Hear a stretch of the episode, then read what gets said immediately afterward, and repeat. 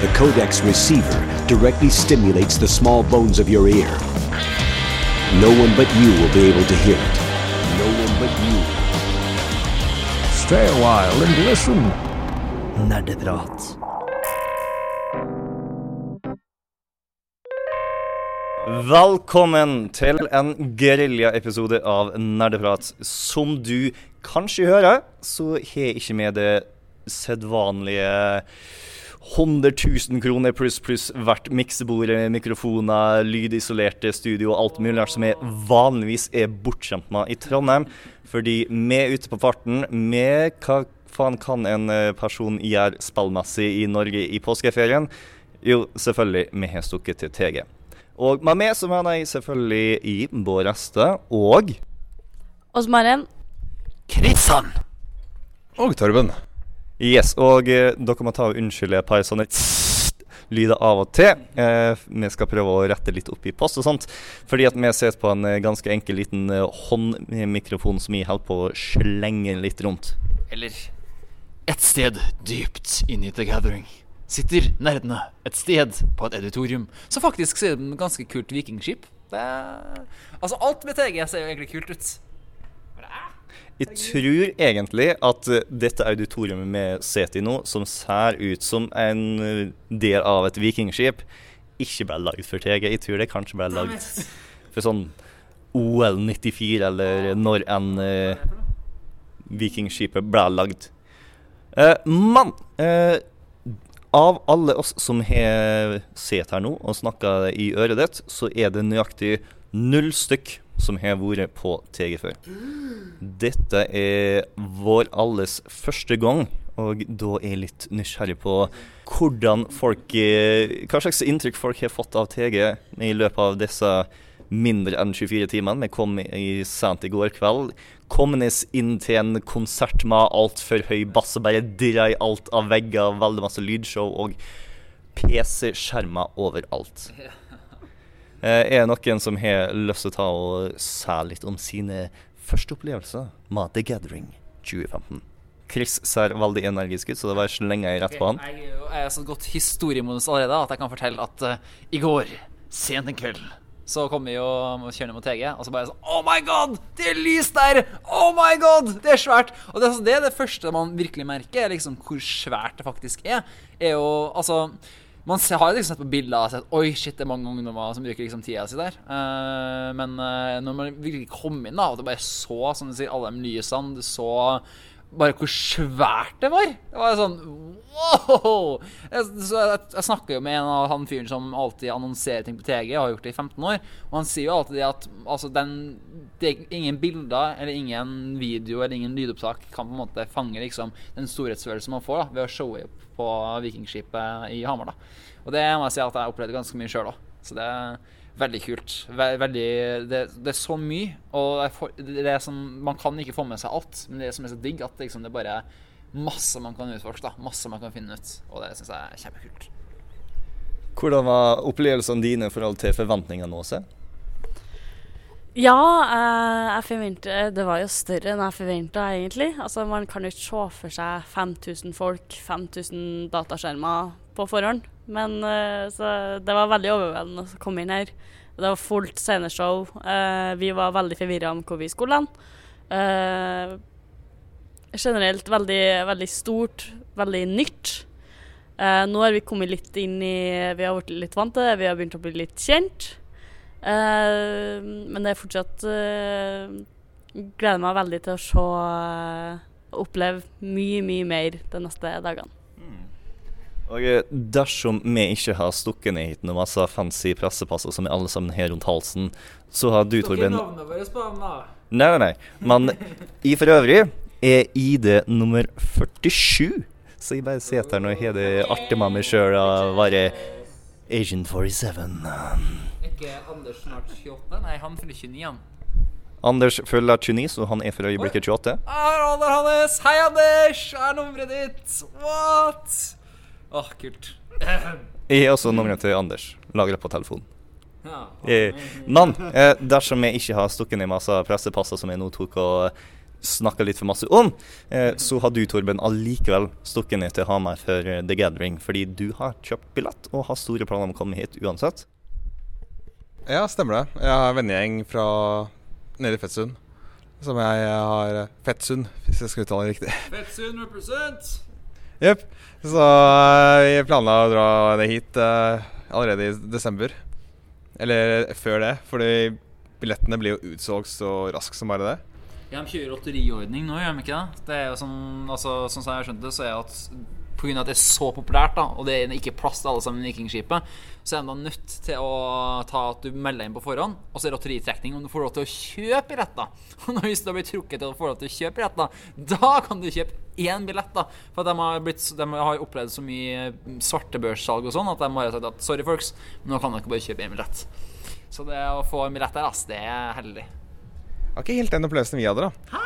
Eller uh, Vi alle i gruppa, vi har fem stykk. Mm. Det er fem stykk som er grensa. Du kan kjøpe fem billetter. Ah, okay. Og vi uh, Så vi satte oss alle sammen i køen, lagde hver vår bruker, og så var det jeg, jeg da som endte opp med lavest kønummer. Ja, ok. Ja, men De var forandra på i ettertid. Så. De oppdaget, det var her med at en av dem oppdaga at veldig mange billetter hadde solgt på svartebørsen. Så at i ettertid, og jeg tror fremtidig til gatheringa, så vil de bare gi én billett per person. Da. Eller selge en, da. For å unngå svartebørshandel. For svartebørsen er skummelt. Ja, og veldig dyrt. Så jeg kan godt forstå den. Men ja, vi, vi kom hit rett og slett fordi vi, vi fikk plass i køen. Og vi, vi fikk kjøpt billetter, og når først jeg kom inn så, og fikk lov til å kjøpe, så kjøpte jeg for alle sammen i gruppa. Og eh, hvordan levde The Gathering opp til forventningene dine? Tja, jeg har jo faktisk vært en, en del på, på datapartyer før. Men da kun med sånn bort mot 200 deltakere. Så, men jeg har likevel Jeg har jo hørt en del om The Gathering, og stemninga og sånt Jeg syns det, det, det, matcher litt uh, det, det som jeg har vært vant med. Kanskje aller mest fordi at uh, de små datapartene jeg har vært, har på en måte alltid sett opp til The Gathering. Så man har jo gjerne prøvd å gjenskape litt av stemningen derfra. Men uh, mengden med folk og uh, Nei, størrelsesorden er det, det er litt vanskelig å se for seg, som jeg også sa. Nei, For min del så levde The Gathering veldig godt opp til forventningene mine. Med hvor det var alt først, masse større enn det jeg kunne forestille meg. Så jeg bare sånn OK, jeg gidder ikke engang å forestille meg hvor stort det er. Veldig masse bassmusikk, veldig masse rosa helikopter og andre slagere. Altså, når jeg eh, kom til The Gathering og bare fikk 5000 mennesker rundt meg, så var det som slo meg Dette er mitt folk, men det er ikke min kontekst. For jeg er så bekymra over hvor masse jeg kommer til å hate menneskeheten etter å ikke få noe stillhet eller ensomhet i løpet av hele påskeferien. Ah! Beklager til alle sammen som jeg kanskje slår i fleisen fordi at min introverte del ikke får nok hvile. Mann. Å, å, herregud. Må, altså, det er litt sånn rart. Altså, en ting er at det er mange folk her, men en annen ting er jo liksom Når folk sover, så sover jo det kjempemange folk, ikke sant? Og når jeg sto opp i morges, for så vidt verdens kaldeste oppvarma telt Sorry, TG, men uh, det var veldig kaldt. Det kan være ikke, fordi jeg ikke pakka soveposer, men uh, jeg har fra flere kilder som hadde sovepose, at det var litt kaldt da. Uansett, pointet er at vi sto, jeg sto opp iallfall. Uh, så klokka sju i morgenen jeg vet ikke hvorfor i helvete jeg, jeg klarte det. Det kan diskuteres. Pointet er at da jeg har hatt alle sammen sovna i et sånt gigantisk telt, jeg reiser meg opp, og alle sammen bare ligger der ikke sant, i soveposer. Ser ut som jeg liksom våkna i et likhus. No shit, altså Enten likhus eller i flyktningcamp, liksom. Og liksom, Jeg lager ikke narr av det, men det var litt sånn etter øyeblikk så trodde jeg sånn helt seriøst at jeg var et, et sånt sted. da Og bare sånn Wow, Nei, vent litt, jeg er på The Gathering. Yes! Mye bedre. Altså, det verste var å ta og gå ut uh, utafor teltet, hvor det fremdeles lå folk ute i kulden og sov. Det var sånn Flyktningleir passer beskrivelsen egentlig veldig godt. Spesielt de som ligger så innpakka inn i soveposen at du er usikker på er det noen inni der. Burde jeg ta og tilkalle noen som har medisinsk utdanning for deg? Men gårsdagens nattesøvn er en av de verste jeg har hatt som voksen. Fordi vi tok og endelig fikk blåst opp alle luftmadrassene våre, kom oss i sovepose og sånt, i ett-tida. Og jeg bare lå og vrei og venta på meg til klokka var fire. Fordi at det var ikke sånn at jeg lå og tenkte på ting eller noe sånt som helst. Det var ikke lyd eller lys fordi at jeg har sovemaske og, og som er ørepropp og alt mulig rart.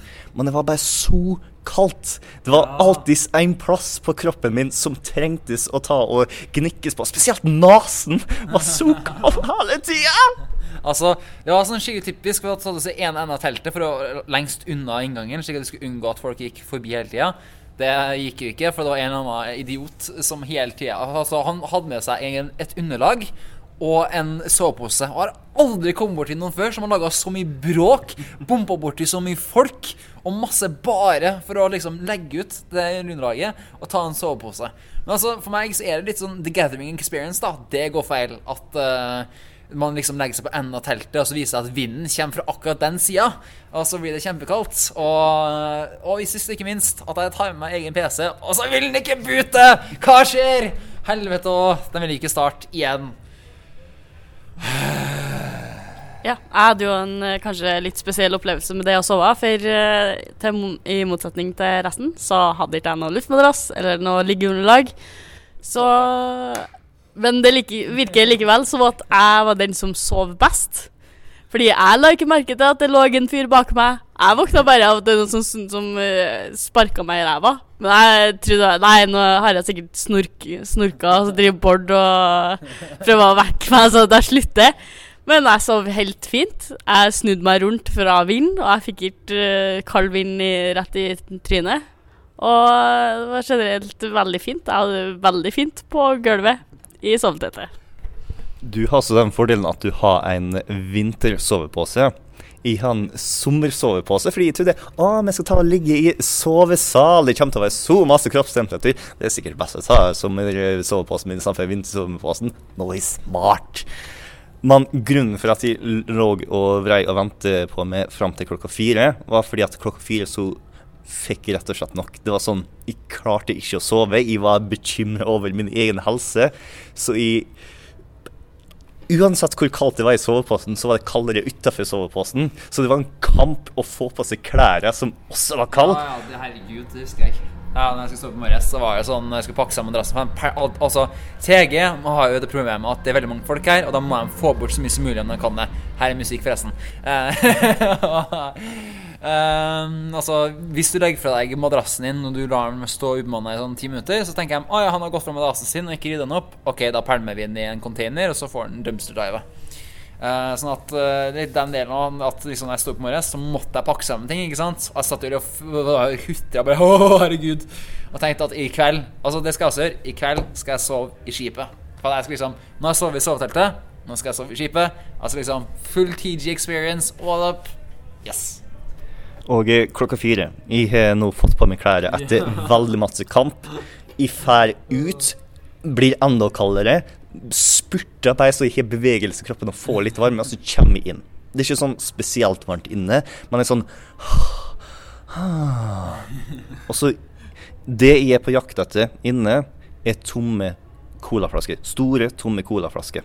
Fordi de skal ta og fylle med varmt vann og lage med varmeflaske. Og få noe temperatur i soveposen min. Og da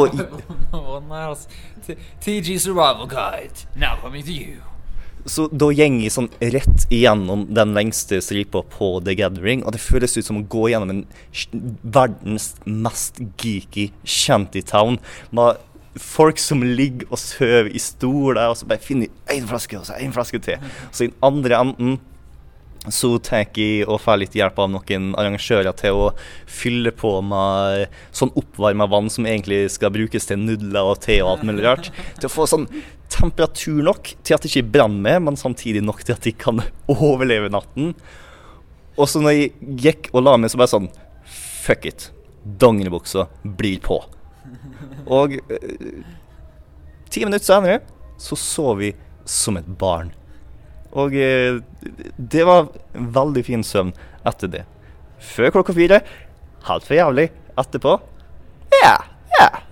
Jeg skulle egentlig få tilsendt en uh, sovepose fra nord, for det er liksom som er å penger når jeg har, liksom allerede, ja, har allerede det hos hjemme. da Men så kom det ikke fram i tide, så det føler jeg at jeg måtte ha en nødløsning. Og nødløsning var pute og dyne.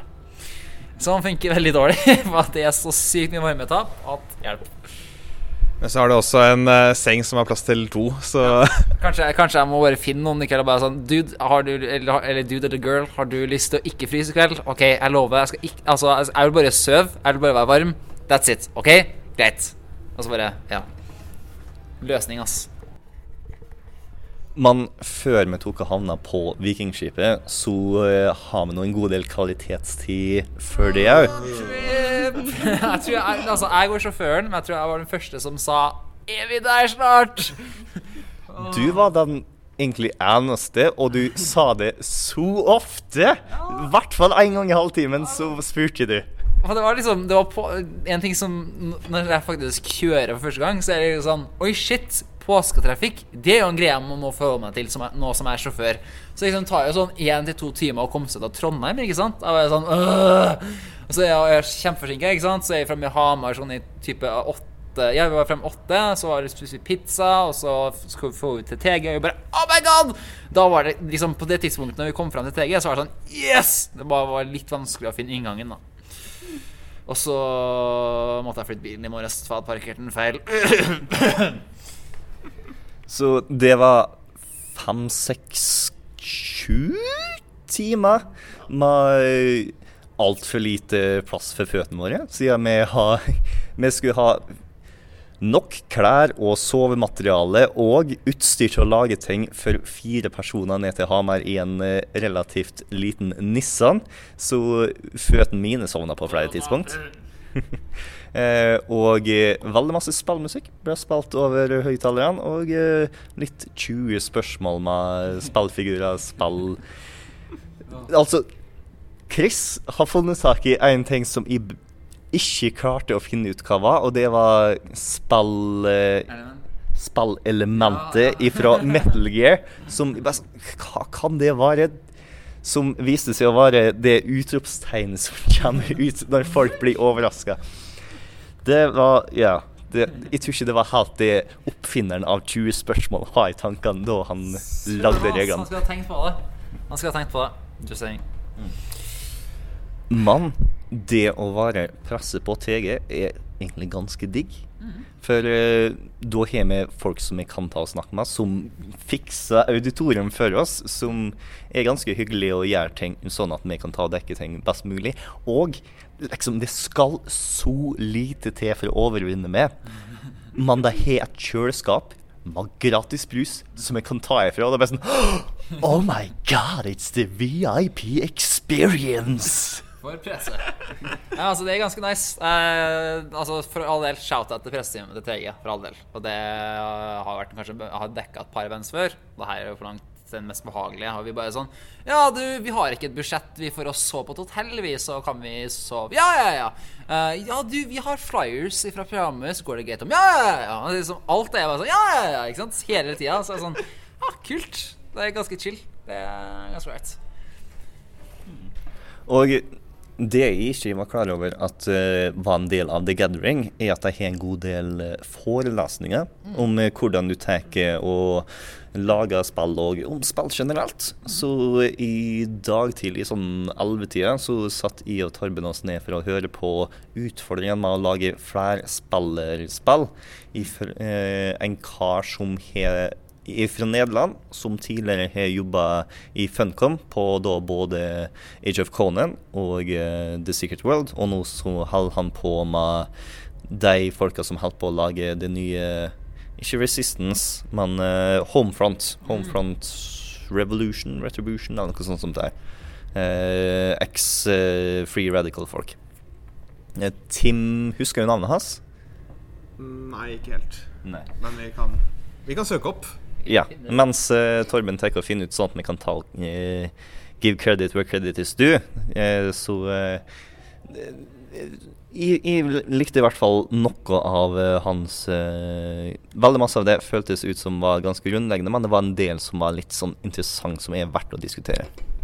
Ja, Navnet hans er Tim Donks. Tim Donks. Det er merkelig at jeg ikke klarte å huske det på egen hånd.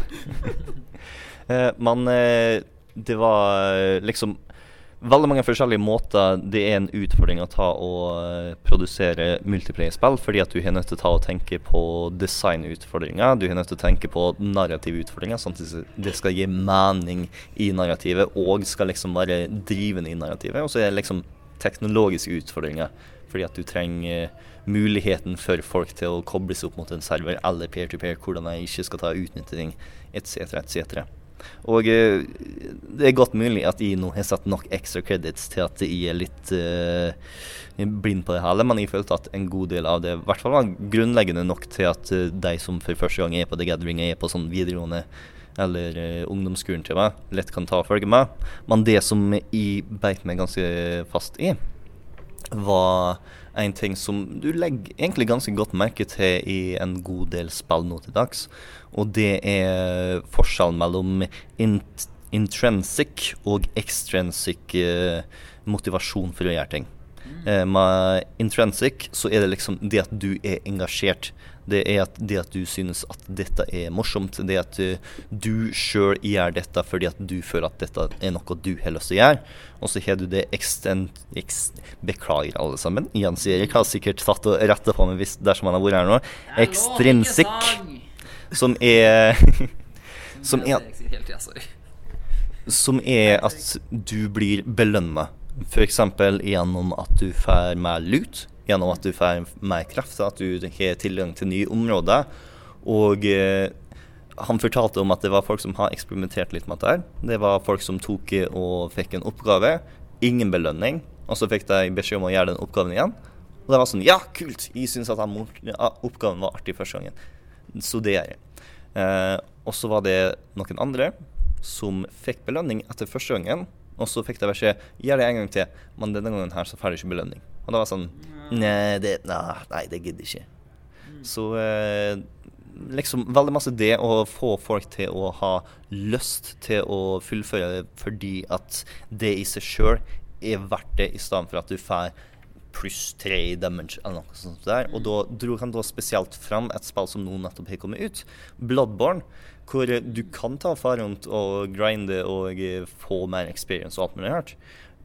Du trenger teknisk sett ikke det. De gjør ting enklere for det, men du har fremdeles muligheten til å mestre ting og få hele den følelsen med å bare gå rett på en boss som fremdeles kan drepe det med ett slag, men dersom du er flink nok, så klarer du å unngå det. Eh, men dere har også vært litt rundt og sett på ting. Hva, hva slags opplevelser har dere så langt i dag? Nei øh, Åse traff idolet mitt når jeg Nei, nei. Åse, vær så god. Du skal få fortelle. Ah, jeg er misunnelig, Eh, OK? Greit. Jeg traff gudinna Amy Dallon, som blogger om Eller som blogger, blogger Blogger. om, om tegneserier for Geek and Sundry. Eh, det var på vei mot presseområdet, så så jeg tydeligvis noen som holdt opp denne bommen som separerer crew-området fra resten. Og den som holdt opp, det var Amy Dallen. Og det første jeg sa til henne, det var Shit, I recognize you. På samme tidspunktet så satt jeg at Det som er dumt at vi holdt på å lage en reportasje. Uh, Åse var rigga med mygg, og jeg satt og stilte inn et kamera. Og så liksom, jeg tenkte ikke over at liksom, hun var rigga med den myggen. Og så hører jeg liksom bare liksom, stemmen til Amy Dalen i headsetet mitt, og bare Hva faen? så var jeg sånn Nei! Nei! Nei, det er ikke lov! Og så bare hører jeg litt, av den samtalen, og så er det sånn Søren, ikke sant. Skulle jeg kan ikke eavesdroppe heller, men jeg var sånn ah! Nei da, jo da, nei da, jo da. Nei da. Altså, Det verste er at uh, dette er folk fra Geek Army, som også lager f.eks. Tabletop med Will Wheaton. Og uh, i mann tilfeldighet dagen før vi skulle ta opp nedover TG, bare fant tak i det fordi at det ble posta på Facebook av noen med sånn se på denne episoden her med Aisha Tyler og Cars Against Humanity. Ah. Og så så jeg det som at Ja, dette var morsomt. De sa én til, én til, én til. Så plutselig så har jeg satt eh, flere timer med tabletop, og så sier Chris Å, men må ta og sjekke ut han Boyden som eh, er fra tabletop. Jeg er sånn ja, det er merkelig at de har samme navn som det Will Wheaton fra meg nettopp har tatt og begynt å se på, men av og til så er tilfeldighetene eh, tilfeldige. Ikke utilfeldig. Kalkulert, kanskje det. Amor Fati. Love of faith. It's a thing. Eh, er det noen eh, mer dere har lyst til å ta og skyte inn før vi tar og gir auditoriumet over til hvem som har booka det etter oss? Åh, det jeg veldig gleder meg til i kveld. Jeg kan si hva jeg gleder meg til. Jeg gleder meg veldig til Og Vi har gått litt rundt og kikka på Creative Booth. Det har vi gjort. Lager reportasje om det. Så vi skal jobbe litt med den i kveld. Det er veldig moro å se hvordan folk bruker f.eks. Unity og Unreal Engine. Veldig kult å se hvordan uh, veldig early stages ser ut. Uh, senere i kveld skal vi ha masse shows. Du skal ha Amy Dallon, Scott, uh, som jeg aldri husker etternavnet på, men skikkelig kult kar også fra Geek and Sundry, og flere skal jo ha show, annet en som er, mm, er tommelkrigmesteren i 2013. Det er det eneste jeg husker han fra. Eh, er- han, de skal ha masse kule shows i kveld, så det har jeg lyst til å få med da. Eh, ja, det er bare få med meg så mye av TG som mulig, egentlig. Det jeg gleder meg til, det er å få meg noe mat å spise. få meg noe middag. For eh, det er jo litt sånn utfordring på TG, da. Det er ganske begrensa hva slags midler vi har til å lage mat. Vi har det vi kan ha med oss. Vi har ikke tilgang på kjøleskap, i hvert fall ikke normale deltakere. Og eh, alt vi kan bruke for å lage mat, er mikrobølgeovn og eh, vannkoker. Og av det så skal du lage et, eh, et ha, Av det så skal du få et kosthold som eh, dekker dine behov eh, fra onsdag til søndag. Men Torben, du glemte ducktape. Altså, har du et problem? Ducktape doesn't fix it. More ducktape. Uh, Ducktape i maten min. Jeg vet ikke hvordan hun skal gjøre det, men altså duck- ducktape. Answer to everything, ducktape. Jepp. Den nye Monsen-dietten, folkens. Ducktape. It's a thing. Jeg gleder meg veldig til å prøve noe som jeg kjøpte i butikken fordi det kunne varmes opp i mikrobølgen, som Bård sa smaker som nesseblod. Det er en av pølse-spagetti-greier på hermetikkboks som eh, jeg i hvert fall ikke er spesielt eh, stor fan av. Det er godt mulig at det er folk der ute som er veldig glad i det, men eh, for min del så smaker det ganske som neseblod. Ja, Men da er egentlig første spørsmål hvordan smaker neseblod? Vel, jeg vil nå anta at du har blødd neseblod, men det smaker ganske metallisk av seg. Og i den biten kommer til litt for masse igjen. Fun fact, har aldri blødd naseblod, så jeg aner ikke. Wow! Nå er jeg nesten så jeg bare har lyst til å slå det i nesa bare for å introdusere til verden i neseblod. Åh, nei, Gunvold fortsatt ikke greit, men you know. For Åse, Åse blir neseblod, Gunvold. Åse blir neseblod, Gunvold. Nei, nei, nei. Nei, nei vi går ikke dit. Eh, dette var vår første segment fra The Gathering. Vi kommer til å sette dette sammen til en podkast som du sikkert nå hører på iTunes dersom du er, lever litt frem i fremtiden. Eller på Radio Revolt på DAB. Det må jeg jo redaktørsiden av meg si. Jeg tviler på at denne kommer til å dukke opp på DAB, egentlig. Det, det, I'll make it happen. uh, I have my ways. Men det er også godt mulig at du tar og hører oss på Soundcloud, fordi at vi kommer til å legge ut uh, SA-segmenter daglig der. Du finner all informasjon om hva vi er på TG på Facebook, på Nerdeprat og sånt. Vi kommer til å lage en del radio, vi kommer til å lage en del video, vi kommer til å lage en del nettsaker. Så hvis du er på dusken.no, så kommer vi nok til å dominere en god del i løpet av påskeferien. Så uh, fram til neste gang så får du ha det bra. Og så hvis du hører på podkast, så kommer du til å høre litt ifra den musikken som er spalte på bilturen nedover. Jeg tenker at vi starter litt med eh, Live and Learn ifra Sonic Adventure 2. Og Fun fact. eh, Når vi kjørte nedover, så fant vi ut at CD, en CD-plate eller CD-spilleren var litt eh, ødelagt. Sånn at vi fikk en remix som besto av eh, feillesninger fra CD-spilleren. Og det ble til slutt ganske irriterende. Yes, vi gjenopplevde slutten av 90-tallet. Hatt på Oh, nytt. Så det er ikke så Åse og Torben bare sånn Det her det høres ut som What?! Jeg, men jeg trodde ærlig talt at jeg aldri kom til å oppleve det i hele mitt liv. Men nå har du det, vet du. TG. Magic happens. Jeg var for tidlig for at jeg, jeg har opplevd at eh, plater eh, Sånn forstyrrelse, hva heter det, har ikke plata. Har jeg opplevd før, altså. Jeg, jeg, jeg er ikke så ung. Eller er du det? Nei, nei da. Jo da. Yes, fram til neste gang så får dere kose dere.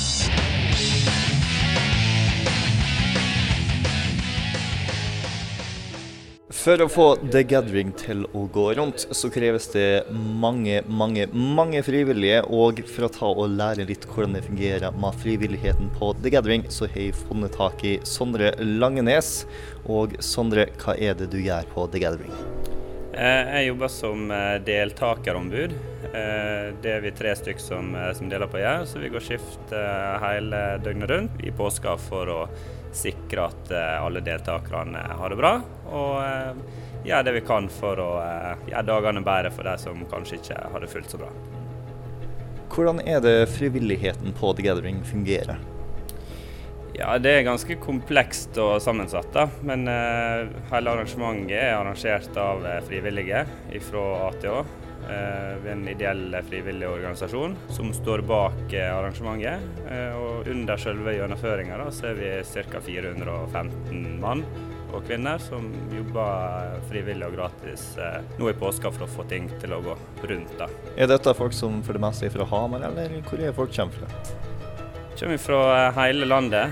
Vi har vel eh, folk i, fra Finnmark i nord til eh, Lindesnes i sør. Eh, selvfølgelig mye på det sentrale Østland, men de aller fleste distriktene er representert. Så har vi folk fra Tyskland inne. Og vi har også folk som kommer helt fra vestkysten av USA, da, som reiser inn for å jobbe som frivillig i påska. Hva slags rolle er det folk kan få som frivillig på The Gathering? Ja, vi, vi driver med veldig mye rart her. Eh, Men de fem hovedfagområdene våre summerer nå liksom røftlig. Eh, Vi har info, som eh, styrer informasjonsflyten. Og vi har et presseteam som tar seg av alt av presseanvendelser. Og så har vi også innhold da, som kalles content, og system som lager på en og innhold, innhold til det. På så har vi sikkerhet, vi passer på sikkerheten til alle. Eh, Vi har tech, som eh, håndterer alt av eh, kabler og det fysiske infrastrukturen for å få internett og nettverk til å fungere, men også tjenester videre ut, og streamingtjenester og servertjenester og en del sånne ting. Så har vi et stort event-crew som arrangerer alt som skjer på og rundt scenen, alt av spillkonkurranser. Og sist, men ikke minst, har vi Kår, som er et stort crew som håndterer de mer grunnleggende funksjonene, som eh, logistikk, eh, bord og rader og rydding og alt mulig sånne ting. Stort sett de aller fleste eh, sånn forefallende oppgaver da faller inn under Kår eller under crew der. Men dette er noe folk gjør frivillig. Hva er det de får ut av å bruke påskeferien sin på å lage The Gathering? Eh, først og fremst så får de eh, en veldig sosial påske med verdens beste familie nummer to, eller én, som mange velger å kalle det. Og eh, etter mange år så er det det som eh, virkelig er det du gleder deg til, da, å treffe kjentfolk igjen. Men eh, det er ikke til å stikke under en stol at eh, det er bra å ha på CV-en sin at du er engasjert frivillig. Og her er flere eksempler på at eh, folk som har jobba frivillig på TG, har, har fått eh, Eller at det har vært utslagsgivende for, eh, for å få jobb. Mens de er frivillig på The Gathering, får de spalt noe særlig? Ja, det er alltid tid til det. Spørs litt hva crewene har. Eh, Noen jobber skiftordninger, og så er det andre igjen som jobber når det er behov. Så de jobber ikke døgnet rundt, og det er ikke, det er ikke blodslit å være frivillig. Alltids rom og tid til å gjøre det du vil. Om det er å se Paradise Hotel eller sitte og, og game eller gjøre noe helt annet, så er det selvfølgelig tid til det. Dersom det er noen der ute som har lyst til å søke ku, hvor han er burde ta og gå da? Det som er litt spesielt her, er at alle må søke hvert år. Det er ingen automatikk i at eh, folk automatisk er med videre. Men eh, hvis folk vil eh, søke crew, så går de inn på hjemmesida vår. Eh, så har vi et system som heter Wannabe. Så adresse er wannabe.gathering.org. Vi åpner for søknader på høsten året før eh, neste arrangement. Og Der legger folk inn søknad på de eh, de vil søke på. Og så blir det fortløpende opptak utover sein høst og vinter. Så søk crew.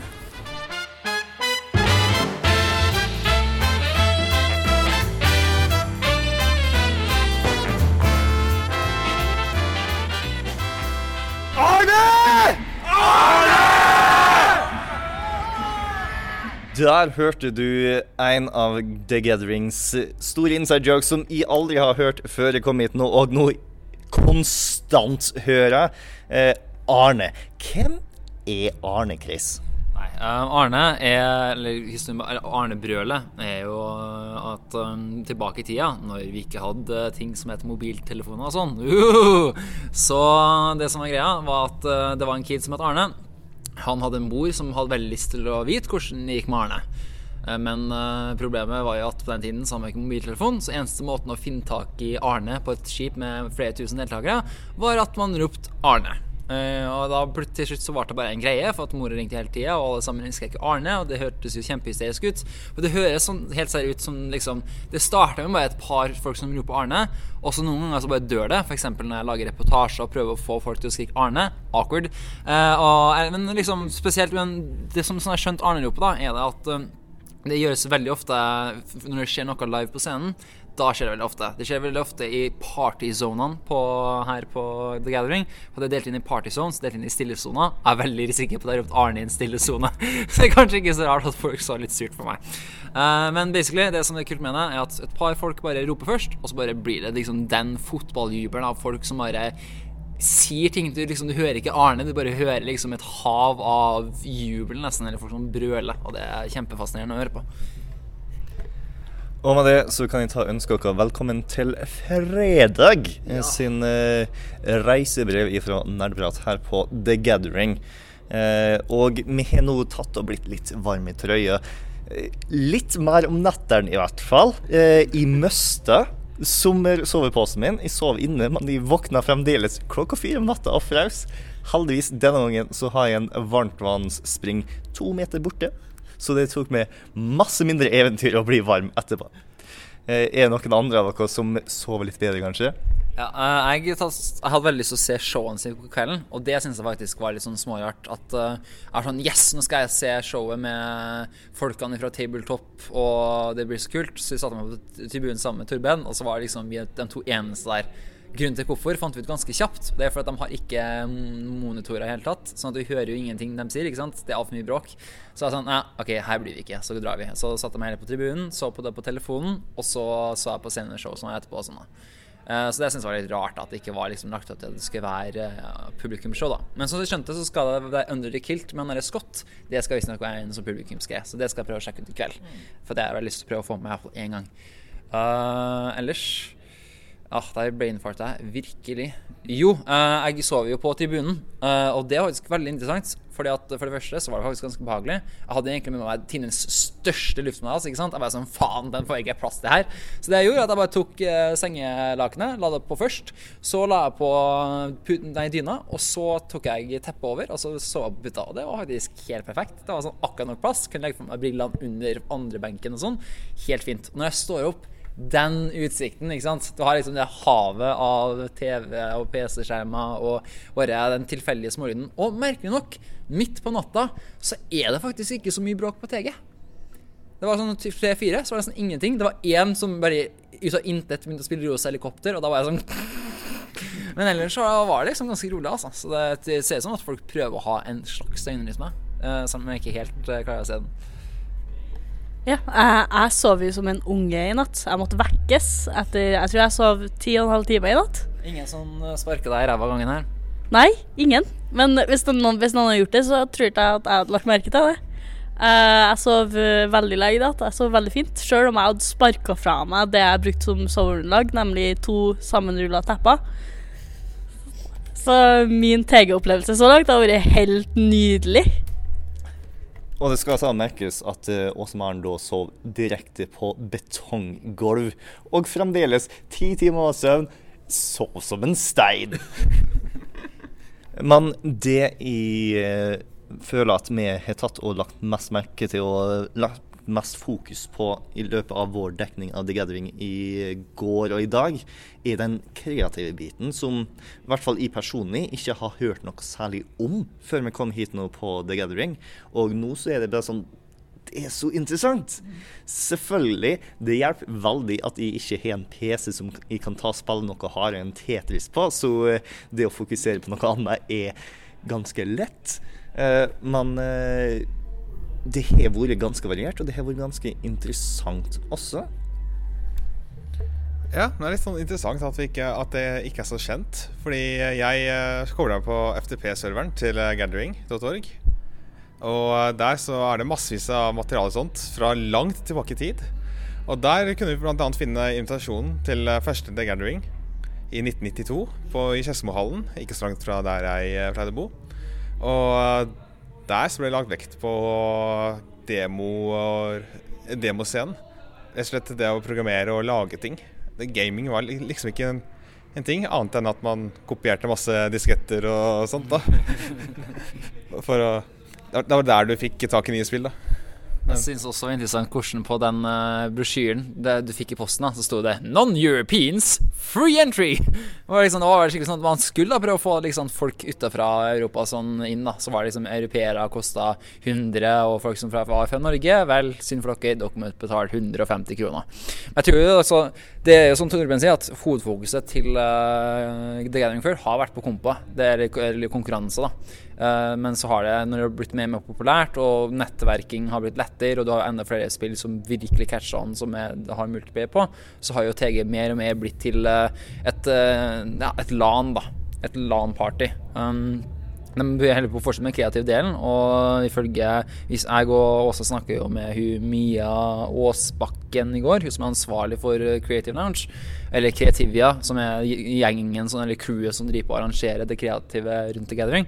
Og de sier at de har jo opplevd en økning i antall folk som kommer. Og de får jo folk fra hele Europa. Du får jo Vi intervjua en spillutvikler som hadde jobba på Funcom og andre kjente spillselskap, som faktisk har erfaring i bransjen, da, som kommer da, og forteller folk her på TG om eh, forklarer med mentorer for dem. da Så jeg var faktisk skikkelig gira på faktisk neste år og faktisk melde meg på Creative Seats og bare jobbe der hele tida, liksom.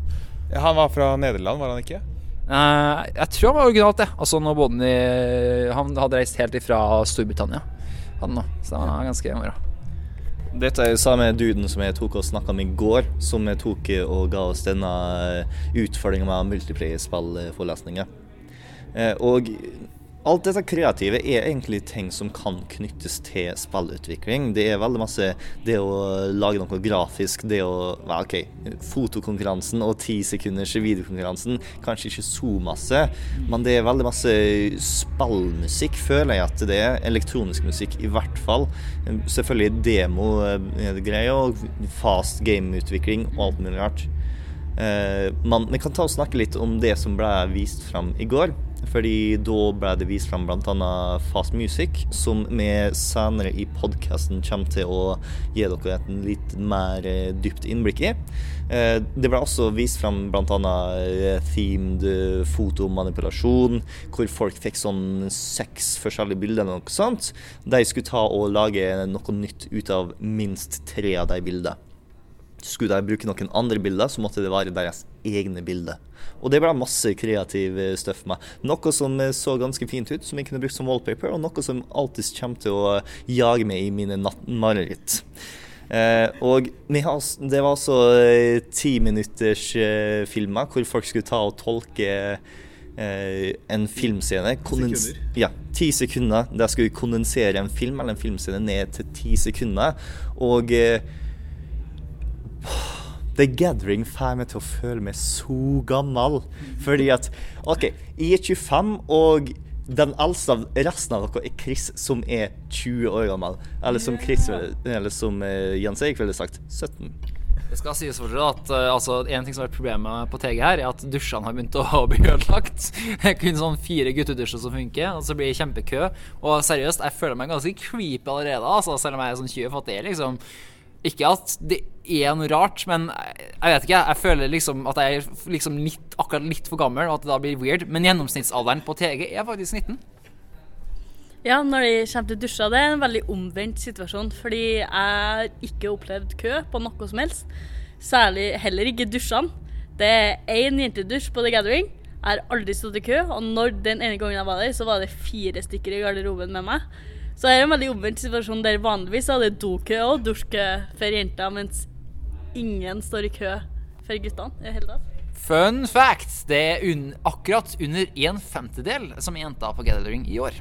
Og som er derfor også at vi vil oppleve at i de fleste reportasjene så feature vi som oftest kun dudes. Det var faktisk sånn cirka akkurat den mengden med jenter jeg forestilte meg at det var. Yay for hoderegning.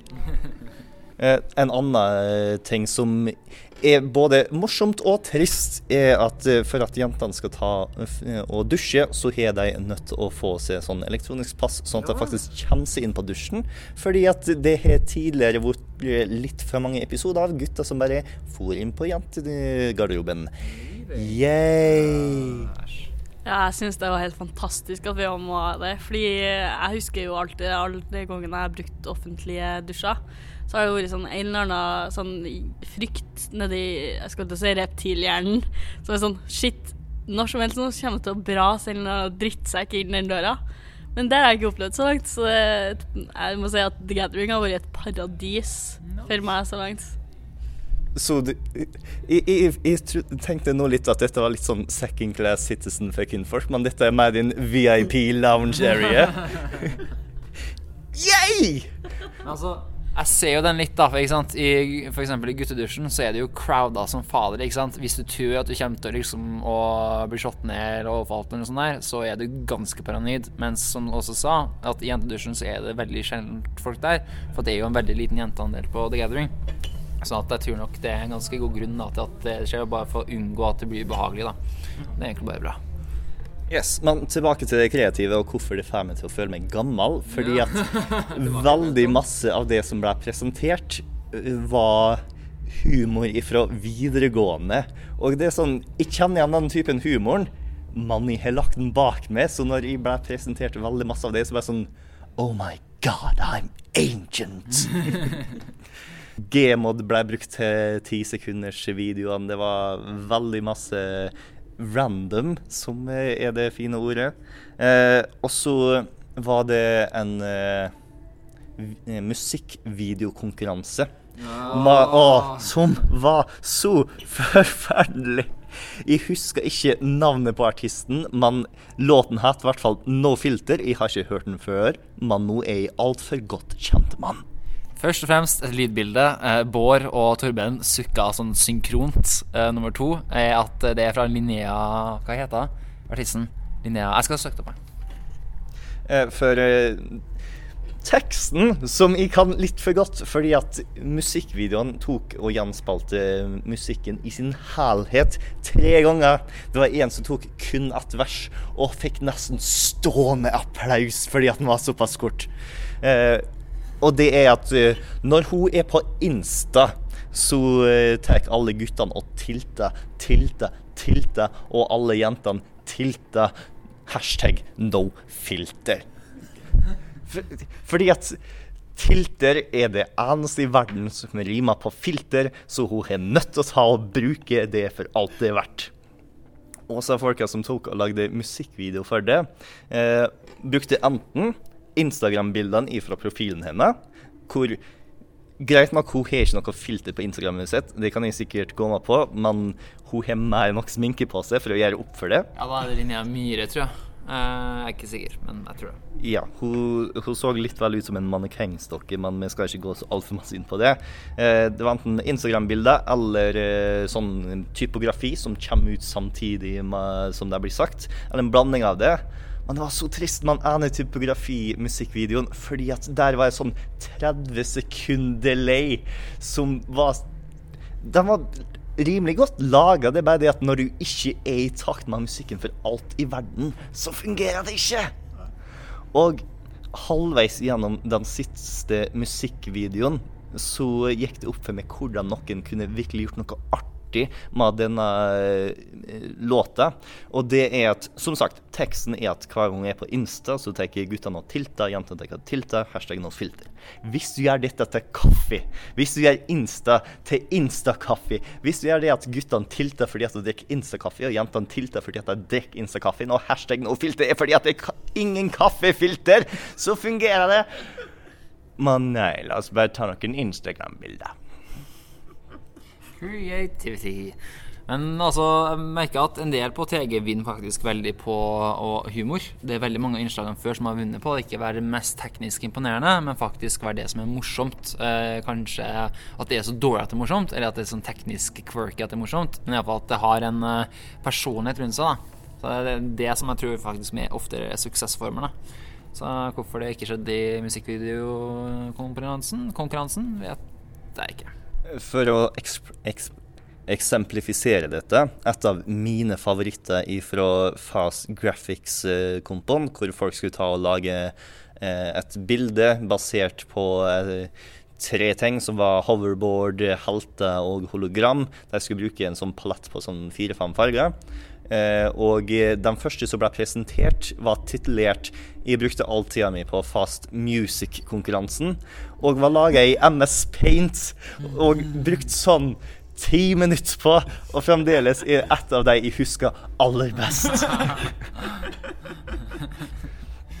Det er jo rart det ikke For det her var Fastest Graphics, ikke sant? Det er en konkurranse Altså, det her det jeg lo litt av. Og jeg er sånn, kjempe, jeg er sånn litt lei meg for at jeg ikke fikk tida til å dekke det. Men de har to konkurranser her som heter MS Paint, der du konkurrerer i å være best i å tegne i Microsoft Paint. Det verste tegneprogrammet ever! Og også i uh, Useless Utility. Altså at du lager en utility eller et program altså, på PC-en som er ubrukelig.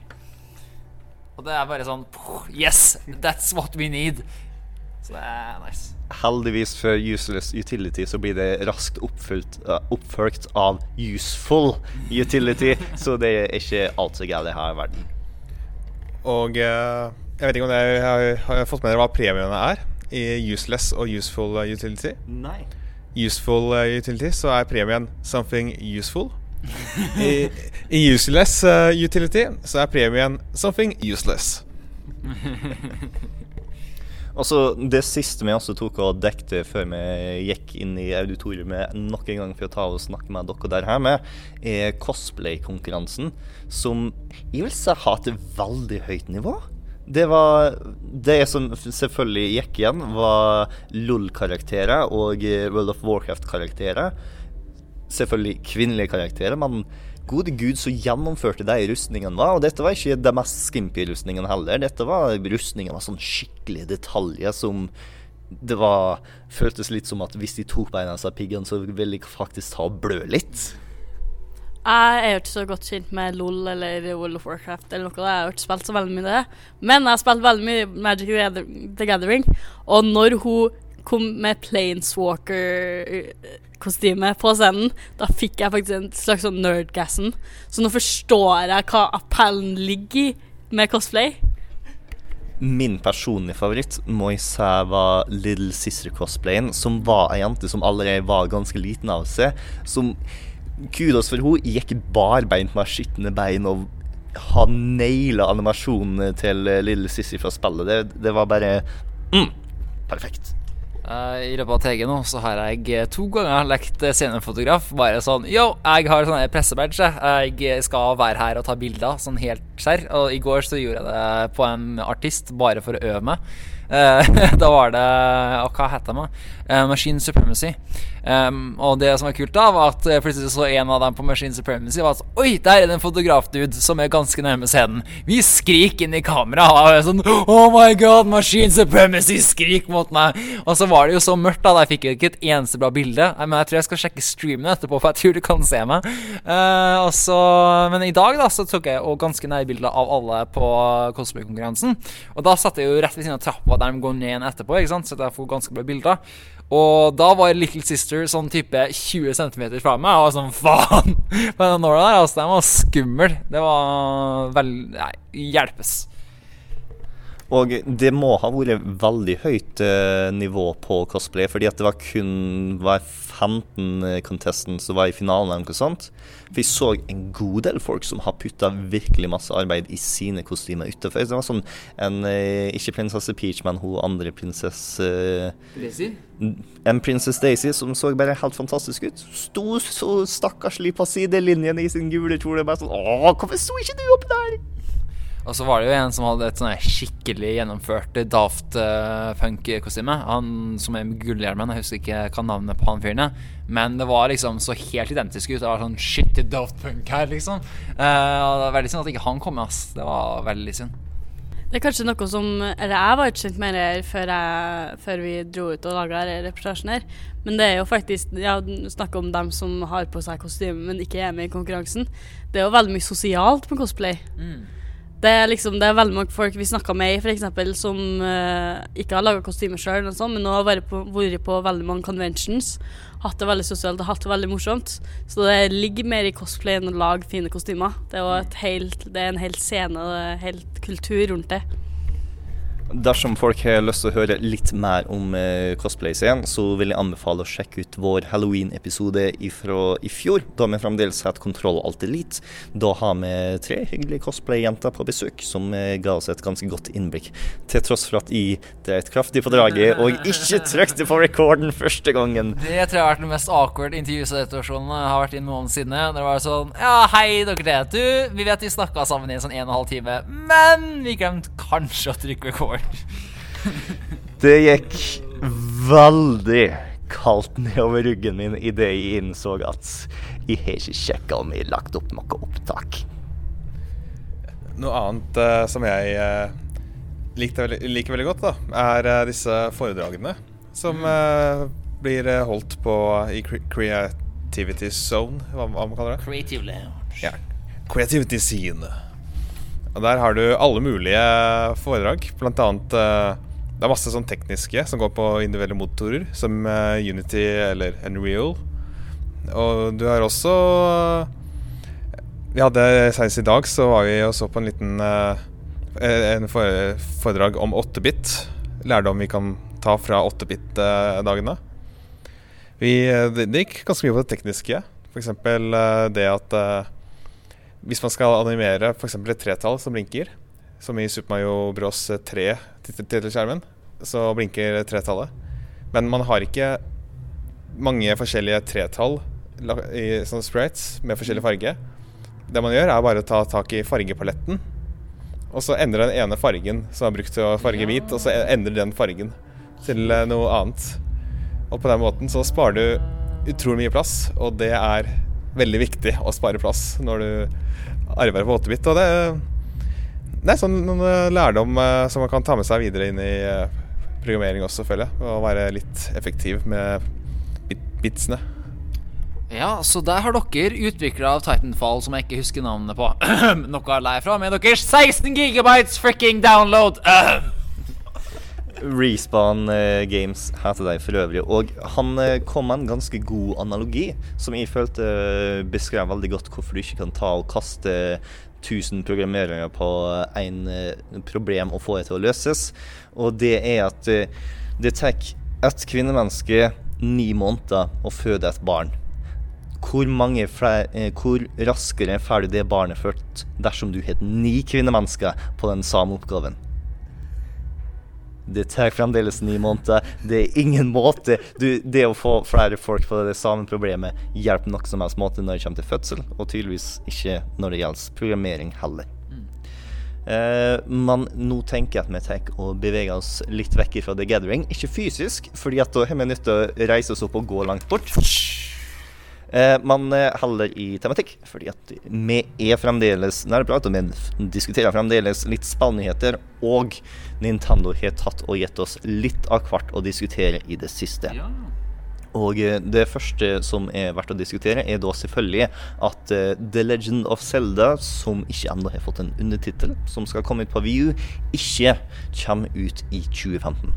For sånn tre måneder siden, på eh, The Video Game Awards, så eh, tok eh, Shigeru Miyamoto og han Eiji et eller annet eh, og satt og spilte Zelda sammen. Og sa, så, ja, når dette kommer ut, vel, det kommer ut at eh, Star Fox, og det kommer i 2015, og dette kommer i 2015. Woo!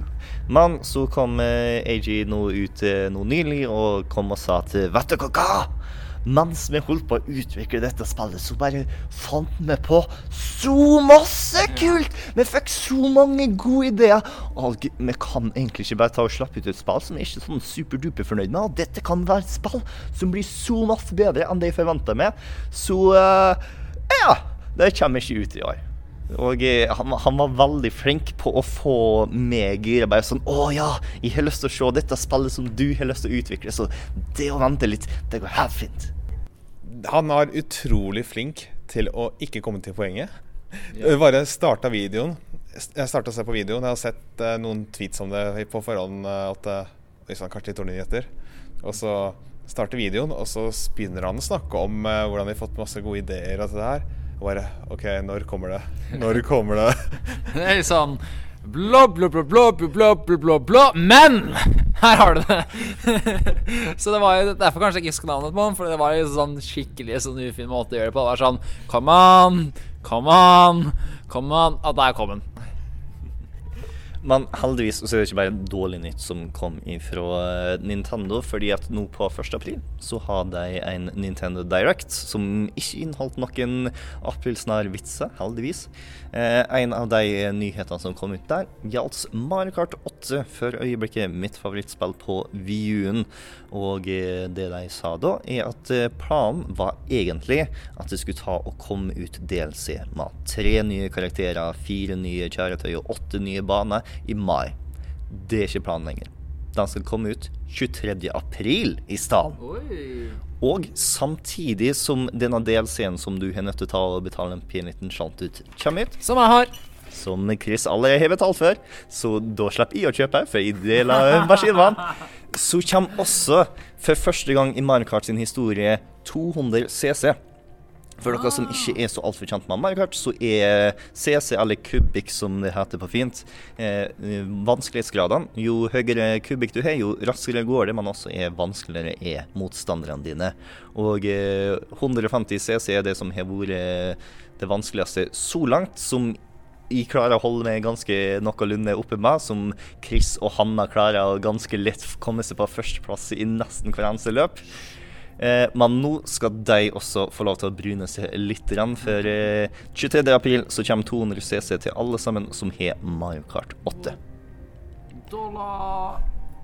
Eh, andre nyheter som kom ut derifra, er at eh, Super Smash Bros kommer med flere DLC-karakterer.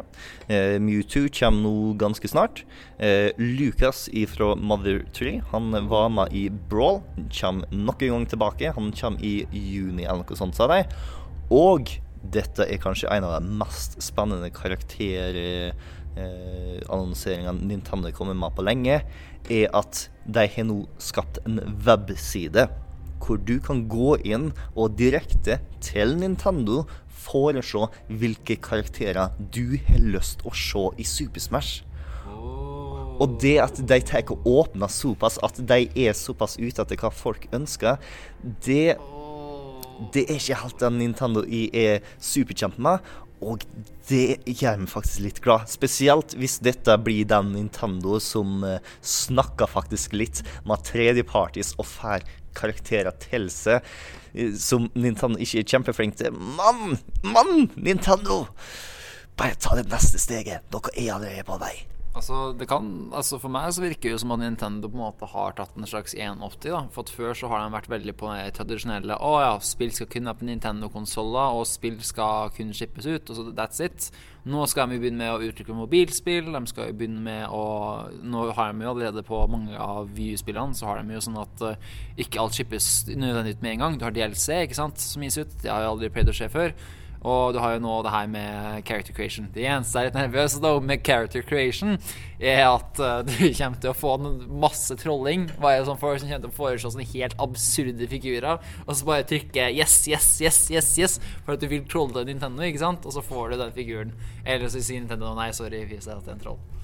Vel, selvfølgelig. Folk troller. Det er, finnes en uh, veldig fin Kotaku-artikkel som vi kan ta og legge meg i artikkelen når dette blir en podkast, som er stappfull av uh, forskjellige tøyseforslag, inkludert uh, Corey eller noe sånt fra Disney Channel, at han skal være med. Mm. OK, sure. Men dette er ikke sånn avstemning. Dette er mer uh, putte forslag i boksen, og så tar Nintendo kanskje drar det fram uh, offentlig når de har lyst til å ta og annonsere noe, eller har lyst til å få litt mer folkets uh, stemme på det i en form for pool. Men det er veldig fint for deg å kunne se hvem folk faktisk er interessert i. Om det å ta og putte mange, mange eh, arbeidstimer inn i én karakter som folk er sånn yeah, OK, sure. I motsetning til en karakter som de nesten har glemt av. Så bare sånn Oh shit, dette var faktisk en god idé å lage Sånn, en av Favoritten min av det som ble foreslått, er fyren Den mørke silhuetten i eh, Når du tar og starter et V-spill, så ser du en eller annen sånn silhuett slå til noen andre med V-moten. Bare sånn Pass på å ikke gjøre dette. Ta og Hold deg i trygg distanse. Bare sånn Det der har vært den beste Super Smash-karakteren noensinne. OK, kanskje litt.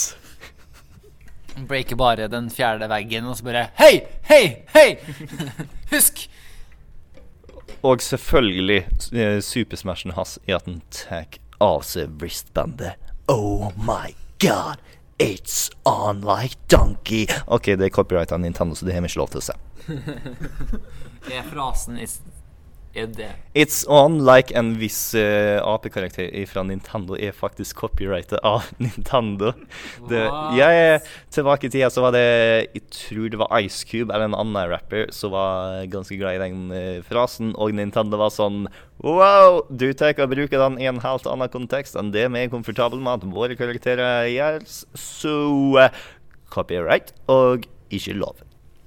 Eh, jeg tror ikke at Nintendo kommer til å komme etter oss dersom vi sier at eh, ting er på sånn som Donkey Kong, men Å eh, nei, Bård, nå går vi konkurs. What Nei, have nei. you done? What have you done? i blanda norsk og engelsk så har teknesatt teknisk satt ikke sagt frasen. Men meningsinnholdet er det samme. Yeah. Men Nintendo har ikke copyright på meningsinnholdet eller kon eh, konseptet, bare frasen. yes! Legal issues! They're fun!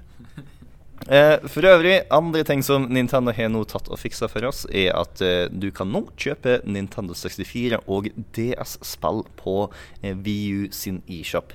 Eh, noen av de første spillene fra Nintendo 64 er bl.a. Super Mario 64, Paper Mario, eh, og fra DS-en så har du sånn eh, WarioWare Touched og eh, New, New Yoshi Island.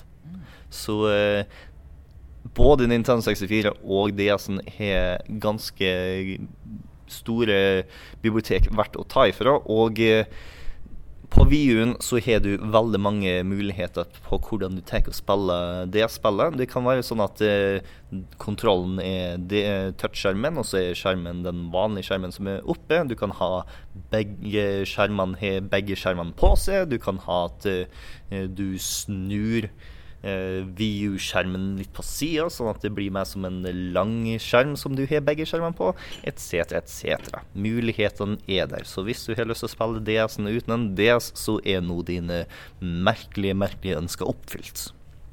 Og sånn helt til slutt så kan vi ta og snakke litt om hvordan Nintendo har eksperimentert litt med Amibo-formatet. Fordi at eh, opp til nå så har alle sammen vært at eh, det er en plastfigur som står opp på en eh, sånn rund eh, bunn, hvor du har en datachip inni som du leser, og så dukker ting opp. Eh, de har selvfølgelig annonsert Her har man nye fra Super Smash, de har annonsert et par fra Splatoon og ditten og datten. Men de har også kommet ut med et eh, nytt konsept for Animal Crossing. Hvor det er et spill hvor de fokuserer masse mer på å innrede heimen til de forskjellige naboene dine. Og du får naboene med å ta og kjøpe kort som har NFC-chip inni seg. Så i stedet for å ha en eh, 20 forskjellige statuer på eh, hylla som du kanskje støver ned, så har du fint i en liten konvolutt som du drar frem når du vil. Eller selvfølgelig skanne én gang, og så Nice. ikke bruker igjen. Jeg var litt sånn redd for et øyeblikk at du sa at de skulle begynne å ha sånne Amibo-møbler. Og jeg bare Oh no! Putt view-kontrolleren din under sofaen. Trust me, it's perfectly safe. Mann, den mest søte og vidunderlige Amibo-nyheten er selvfølgelig eh, Yoshis Woolly World-amiboen. Hvor, eh, som sagt, alle Amiboer frem til nå har vært på plastikk på en sånn fin liten eh, statuestand. Yoshis Woolly World-amiboen er en grønn, en rosa og en lyseblå Yoshi laga av garn. Dette er en bamse hvor nederst på den så er det en mjuk NFC-brikke. Så dette kan faktisk være både en bamse og en ekstra Yoshi inne i Yoshis Woolly World-spillet. Og det er bare Åh! Og det er så fett. Den kommer jo til å bli ødelagt. That's my word on it. At uh, alle Ifra min erfaring fra før jeg var 13-14 år, eh, er at eh, kosebamser dem går det hull på til slutt. Til slutt, selvfølgelig, men det er også Nintendo vi snakker om, og de er ganske flinke med sitt eh, seal of quality. Counterpoint. Ah, OK. Jeg har, er en stæsj her, er en- her er en veldig privat sak. Jeg er en stæsj med kosebamser fra min barndom som, går, som fyller fire sånne flyttebukser. De har holdt seg helt fint, og noen av dem er fra 80-tallet. En av dem er faktisk fra 40-tallet. Så jeg tror at bare at Chris er jævlig dårlig på å ta vare på bamsene sine. Kommentar, kommentar. Juks! Altså, det å bite bamsene dine er en del av reglene. Hvordan kan du unngå reglene, Åsemaren? Nei, men hvordan kan jeg bite Pikachu? Mattene dine. Come on! Dyreplageri. Som om resten av Pokémon ikke er det. Og med den så avslutter med fredagen her fra The Gathering. Du får en eller annen musikk som jeg ikke har oversikt på akkurat nå. Sikkert noe ifra eh, Jetset Radio, for jeg har en prat med deg i eh, bilen nedover og snart oppover. Vi høres i morgen. Kos dere.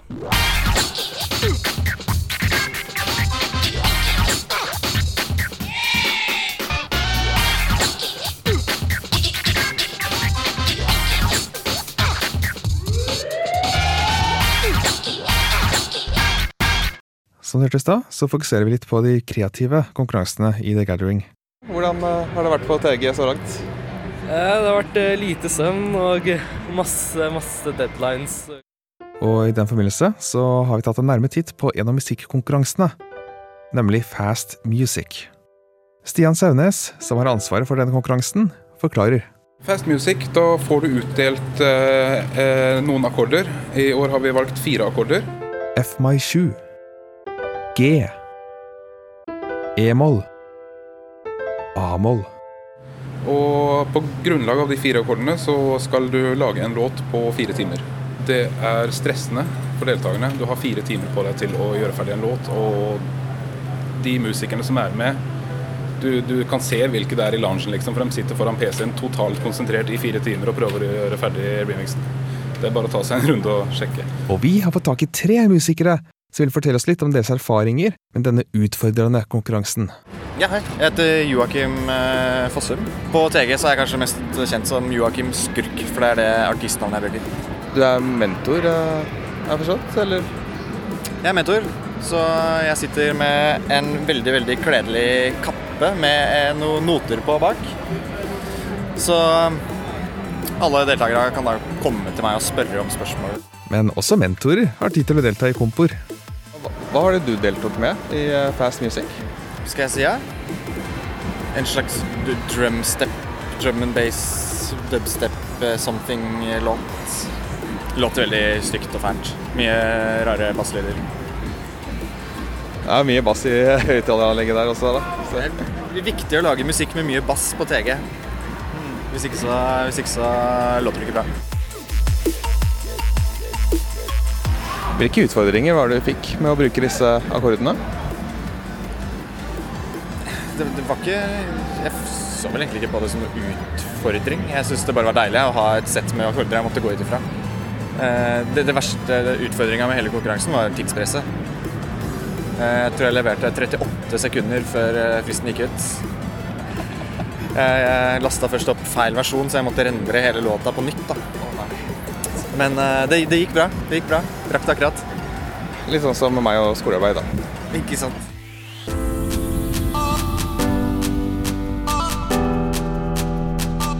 Eh, Jeg heter Kashif, eh, bedre kjent som Rootkit.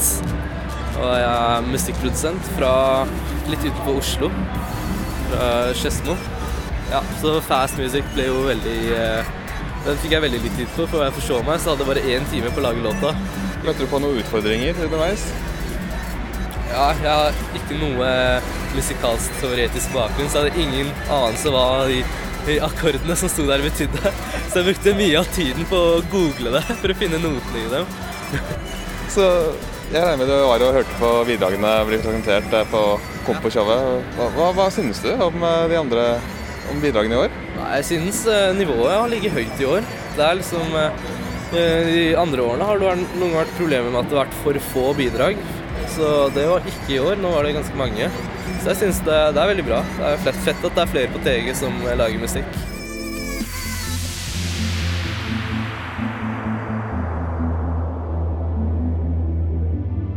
Eh, Jeg heter Niklas. Jeg deltar i fast music, remix og freestyle.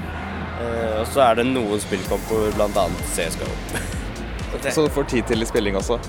Ja, sånn her og der.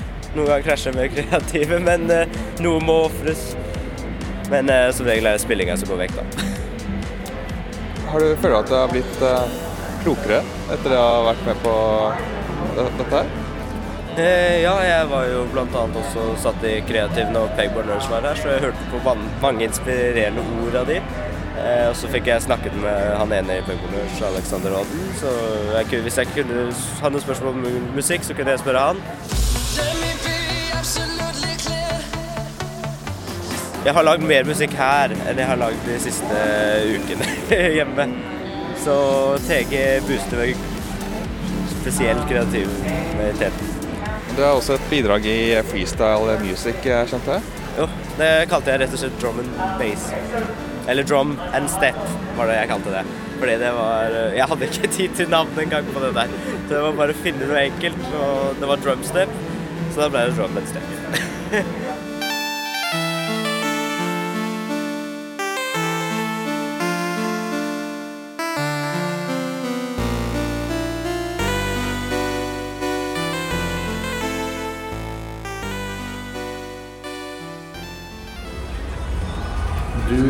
til Nerdeprat fra Radio Revolt. You're listening to Nerd Talk from Radio Revolt. Der hørte du den infamøse stemmen av The Gathering, og jeg fikk frakta faktisk litt med karen. Han har nå holdt på i 15 år. Eh, han holder egentlig ikke på med å være en eh, høyttalermann eh, på fulltid, for å si det sånn. Han er egentlig en av de som holder på å arrangere The Gathering. Han er en av eh, kjerneteamen. Eh, men han har også en karriere som opera- og rock-vokalist. Så ja, dette er en mann som kan det å bruke stemmebåndet sitt. Eh, nå er det lørdag. Det er siste dagen før vi tar og stikker hjemover. Så da har vi lyst til å ta og se litt tilbake på The Gathering og se litt mer helhetlig på The Gathering Experience. Den følelsen som det er vanskelig å få utafor Vikingskipet. Og siden dette er vår første gang på The Gathering, og vi har egentlig sittet masse mer på pressrommet enn vi har vært på gulvet, så har vi fått med oss en, en av gutta på gulvet, som er en av våre faste lyttere, nemlig Petter Høyer, som du kanskje har hørt av og til sende oss et par lyttebrev. Hallo, Peter. Hallo. Eh, og eh, da har jeg lyst til å vite ditt forhold til The Gathering, fordi dette er ikke din første The Gathering, i motsetning til oss alle andre. Nei, jeg har jo vært med tre år på rad nå. Det her blir altså tredje året. Så jeg har vært med noe lite grann. Eh, det begynte egentlig bare som Jeg ville, ville gå flere år på rad, men jeg hadde aldri råd. Fordi at penger er et problem når du har under deltidsjobb. Eh, så ja, jeg sparte opp litt årlig. Plutselig fikk jeg råd, og da reiste jeg bare. Tok, tatt meg på toget og tok med ja, PC, alt sammen, inn på toget. Fort ut av toget, og så tok med meg flere, flere puljer ned, og så opp igjen. Og ja, storkoste meg. Hadde selvfølgelig glemt at det var ganske høy lyd på TG. Så ja, det var litt leting i byen etter ja, det som fungerte best. Som da var hørselvern. Og det, ja Stortrivdes. Møtte veldig mange interessante folk. Eh, ja. Fant fort ut at de som først De som hadde vært det lengst, som oftest viste det veldig tydelig. De kjente alle fra crewet, de kjente alle vaktene. Ja, stort sett alt det der. Da Veldig hyggelige folk alle sammen. Alle er stort sett sosiale med alle, og du kan nesten gjøre hva du vil mot hvem som helst, om det er å dra ned buksa på vedkommende eller helle en bøtte vann over dem. Uh, ja. Jeg vet ikke om det er noe mer å si om det? Eh, For vi har blitt ganske fascinert av et par tradisjoner og særegenheter med The Gathering. I går så tok vi og fascinerte oss litt over Arnebrølet eh, og eh, liksom alle de små tingene med The Gathering. Så da lurer vi på hvilke tradisjoner som, bortsett fra Arnebrølet og stemmen, som du er ganske glad i, og som eh, de som ikke har vært på The Gathering før, kanskje har lyst å lære om. Ja, du har jo TG-toget, da. Eh, hvor så mange som mulig prøver å ta hverandre på skuldrene og hopper eller hoppløper, småjogger rundt hele The Gathering. Det har vært ett år hvor de løp ut òg, og prøvde å komme seg så langt som mulig, men det var ikke så mange som gadd. Så har vi også hatt en tradisjon til, prøve å samle så mange som mulig og gå inn på bensinstasjon. Da var vi noen hundre som gikk, gikk inn på en liten Statoil-stasjon og sto der og ropte 'kassadame' i kanskje ti minutter. Så var det vel 50-60 som kjøpte noe, så hun ble litt stressa. Ja, det er vel det, det beste jeg vet om. Men eh, hva er det dere andre har fått for dere nå som dere faktisk har vært på TG en liten stund? Hva er det dere føler at The Gathering-opplevelsen er? Altså Jeg blir veldig fascinert over liksom hvor mye sånn intern kultur det er. Eller for du føler liksom Jeg synes Amy Dahlen sa det best bet av showene hun hadde, og da ble det plutselig mørkt i rommet vi tar opp. Creepy. Um, det hun sa var jo Koselig. Ja, med lys og sånn. Eh, for hun, det hun sa, da, at det var liksom første gang hun kom til, som host til The Gathering, så var alt liksom uh, veldig nytt. Veldig mye flashy og kjempemange kabler. Og alt føles så nytt og rart ut. Og hver gang man så ut på det, så var det liksom fantastisk å se på. Litt som jeg føler det hver gang jeg går ut av presserommet. Uh, men når jeg kom tilbake neste år, da så fikk jeg en sånn bare sånn gjenkjennelig følelse. Da. Liksom, det her føltes naturlig ut, og liksom det føltes hjemme ut. Og sånn.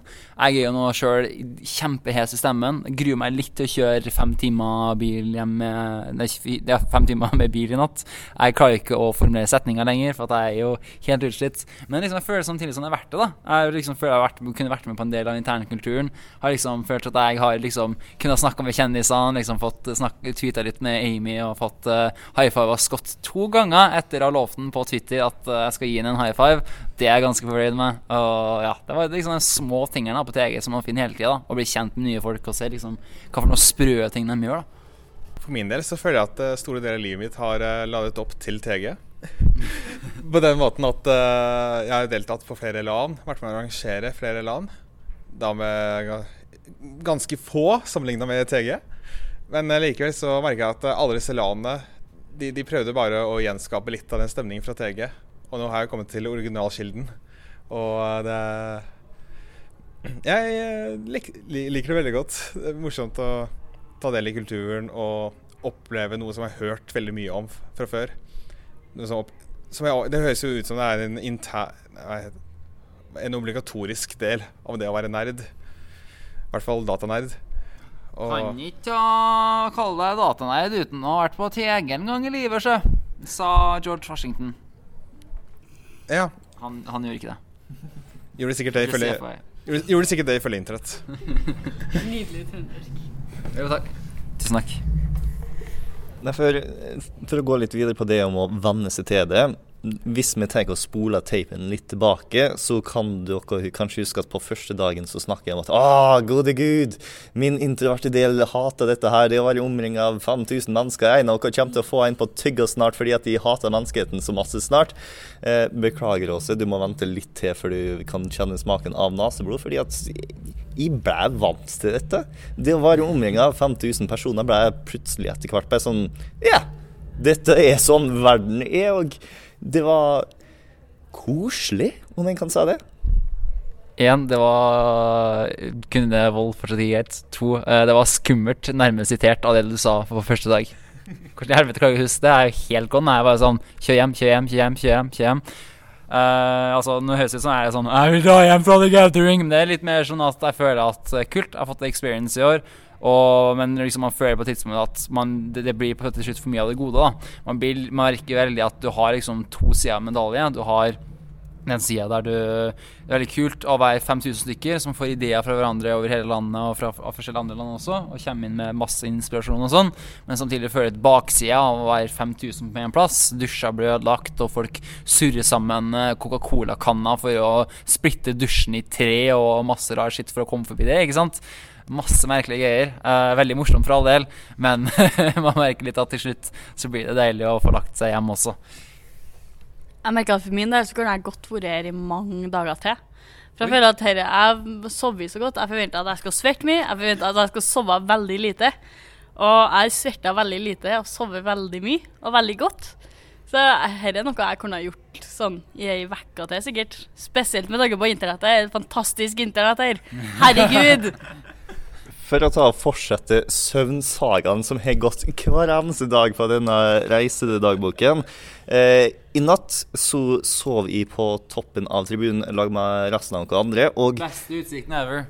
beste utsikten, og det var varmt hele kvelden, så jeg slapp å ta og våkne opp og fryse. Men for tredje gang på The Gathering klokka fire, nesten på slaget igjen, så våkna jeg opp. Denne gangen her var det riktignok ikke fordi at jeg fraus, Denne gangen var det fordi at noen har bestemt seg for å ha høyttalerkrig kjærende på gulvet. Og tror du ikke at det var hashtag no filter som ble spilt? Jeg hadde en skikkelig merkelig søvn. For det var noen som spilte skikkelig høy bass til kjempelenge. Og det var som at noen dulta meg i ryggen hele tida. Liksom. Det var kjempeirriterende. Og så, på et eller annet tidspunkt, når jeg begynte å bli sånn helt sånn Og nå er jeg helt utslitt, og nå vil jeg bare sove, så begynte noen å spille barne-TV-sanger. Thomas Toget og Noddy. Jeg bare Er det et mareritt, eller hva er det her? Og så det verste, det verste, eller det beste nå, er at TG har jo en sånn melodi de alltid spiller når det skjer noe spennende på scenen. Nå synes jeg hører den hele tida. Selv når den ikke spilles. så er sånn Nå skjer det noe. Nei, det er bare jeg som innbiller meg det. Men jeg lurer på, Petter, du eh, Hvordan takler du eh, Eller hvordan har du sovet i løpet av TG? Nei, jeg har egentlig ikke sovet i det hele tatt. Jeg, eh, jeg har vel kanskje sovet 45 minutter totalt. Oi! Så ja. Det har gått i lite søvn og veldig mye vann, egentlig. Nå skal det sies at Så du er bare sånn halvveis mas for øyeblikket? Ja. Eh, det er vel ikke så langt fra sannheten, det. Men det er utrolig mye som holder seg oppe med gaffateip. Nei, men eh, Du har faktisk eh, en plass på The Gathering, så da lurer jeg på Har du en rigg også? For jeg har sett så mange folk som har innrettet seg skikkelig med hylle og alt mulig rart. Har du noe på gang der? Eh, nei, Uh, jeg vurderte å kjøpe den der eh, standardhylla som de selger. Men er, jeg, jeg sitter jo på kreativ. Det er egentlig ikke lov til å ha rigg. Men den, den var lov med den standarden, og det fikk jeg ikke vite før det var minus i antall. Ja. Så uh, jeg har vært litt for sein der. Men kanskje neste år så får jeg plass til litt mer. Sitter du på creative og gjør noe kreativt i tillegg, eller bare fant du en plass der? Eh, egentlig så tar jeg masse bilder. Det, det er vel det mest kreative jeg driver med. Eh, jeg har ikke Photoshop på PC-en, for det, det vil ikke fungere. Men ellers hadde jeg hatt det. Og det, det redigert bilder og lagt ut på Facebook daglig. Nei, for eh, jeg fant ut med en tilfeldighet at eh, søskenbarnet mitt eh, er på er på The Gathering. Eh, han fant tak i meg med at Darth Vader gikk inn på eh, presserommet. Ja. Eh, Chris tok bilde av eh, han lag med Åse, og tok og skrev på Facebook at dette bildet ble tatt sammen med hele nerdeprat. Han tar og scroller tilfeldig gjennom eh, Facebook, legger ikke merke til at det står The Gathering i teksten, eller at de er tagga noe sånt. Han bare stanser tilfeldigvis. Et par minutter senere så kommer han som var utkledd som Darth Vader, peker på bildet og bare sånn Ha! Det der er jeg! Og så ser han litt mer nøye på bildet, så bare sånn Oh shit. Og så plutselig så får jeg en telefon i lomma. Og søskenbarnet mitt er av den svært fingernemme typen. Han eh, er mekaniker og alt mulig rart, så han har mekka seg Altså, Den eh, hylla han har laga seg med lag med tre andre kompiser, er kanskje ikke den vakreste hylla i verden, men den er svært funksjonabel.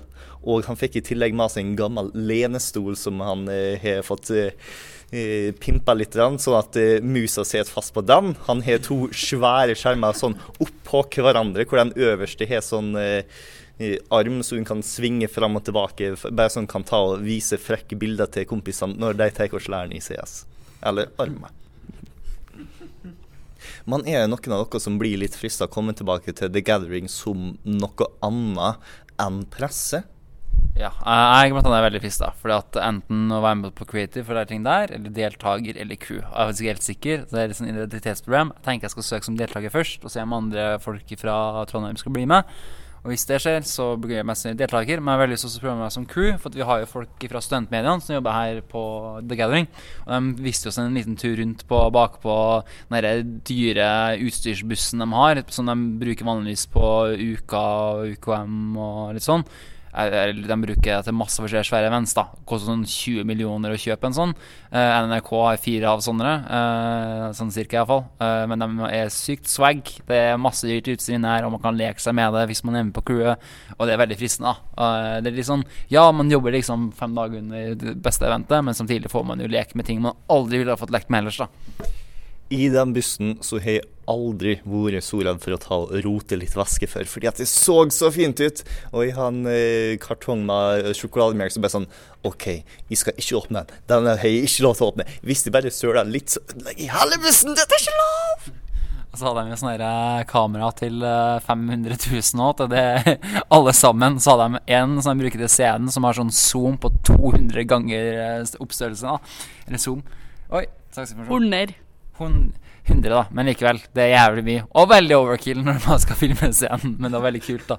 Koster enda mer, ikke sant. Det er jo Mister jeg den i bakken, så Ja.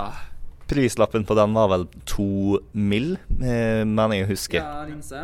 Ja, Så den har du veldig lyst til å holde, holde for sikre. Den kaller de for så vidt også for dildolinsa.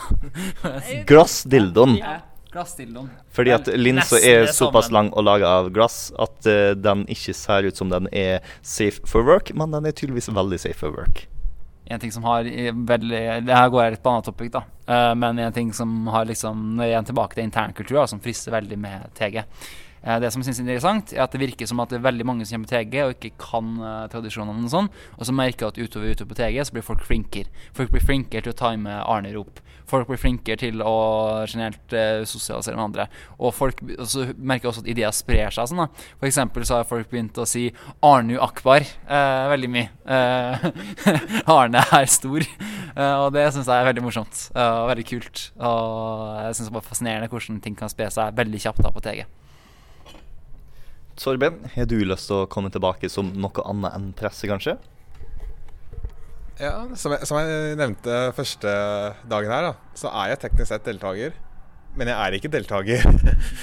liksom, jeg, jeg har en plass, men jeg, jeg har ikke settet meg ved den plassen noensinne. Det du burde gjøre, er bare på siste, det siste timen av TG sette deg ned med en skikkelig gaming-PC, og så spiller du. Eh, jeg, jeg vet ikke om det er verdt det. Nei, ikke det, men mer sånn at plassen har vært ledig hele eventen, og så bare kjenner du og så Hei, søpp. Ja, altså, de som satt ved siden av plassen, har eh, vært flinke og tatt den i bruk. Så ja, den er ikke ja, du reiste jo med kompiser, gjør du ikke? Ja, men også fremmede. Ja, Som eh, satt ved siden av. Akkurat nå så brukes det til å oppbevare stor luftmadrass. Så, men ja, jeg har lyst til å komme tilbake igjen. Som eh, kanskje aller mest som en del av kreativ. På en kreativ plass. Fordi at uh, nå er det lenge siden jeg har holdt på med musikk. Og jeg har latt meg Jeg føler meg litt, inspirert av et Vi holder på med en reportasje, som eh, sikkert har hørt allerede. Men uh, der, der har jeg latt meg inspirere til å lage et eller annet musikk. Og det er eh, Jeg tror det bare er kult bare det å få høre bidraget sitt spille drithøyt på scenen Ja. i forbindelse med at eh, alle bidragene vises fram. Jeg tror bare det å høre sin egen musikk bli spilt der Riktignok med veldig høy bass, men eh, det, det, det hadde vært eh, stort. Fuck you, Rosa helikopter! Petter, du uh, Har du planer om å komme tilbake neste år? Um, jeg kommer definitivt tilbake til neste år. Jeg er litt usikker på om jeg kommer til å sitte noe plass, eller bare gå rundt omkring og ta bilder. Det var stort sett det jeg gjorde nå i år og i, i fjor. Mm. Så vi får se hva, jeg, hva som skjer. Er det mulig å komme på TG uten å ha en eh, fysisk plass? Eh, ja, det heter no seat. Enkelt og greit. Da kan du være der hele tiden, gå inn og ut som du vil, men du har ikke noe fysisk plass. Får du en eh, soveplass? eh? Eh, Du kan sove hvor du vil. Det er ikke noe utfordring sånn sett, men de aller fleste som gjør det, finner seg bare et hotellrom. Hm. Nei, Det er interessant. og Jeg regner med at det er betydelig billigere enn å ta og få seg centimeter du trenger for å eh, ha en spill-PC. Ja, nå husker ikke jeg prisen i hodet, men det var ganske mye billigere, hvis jeg husker riktig. Åse, har du eh, tanker om å komme tilbake? Ja, jeg er faktisk jeg er halvveis sånn blodpakt med kinnet om å fære på TG i lag. Så jeg håper å gjøre det neste år, hvis jeg har råd.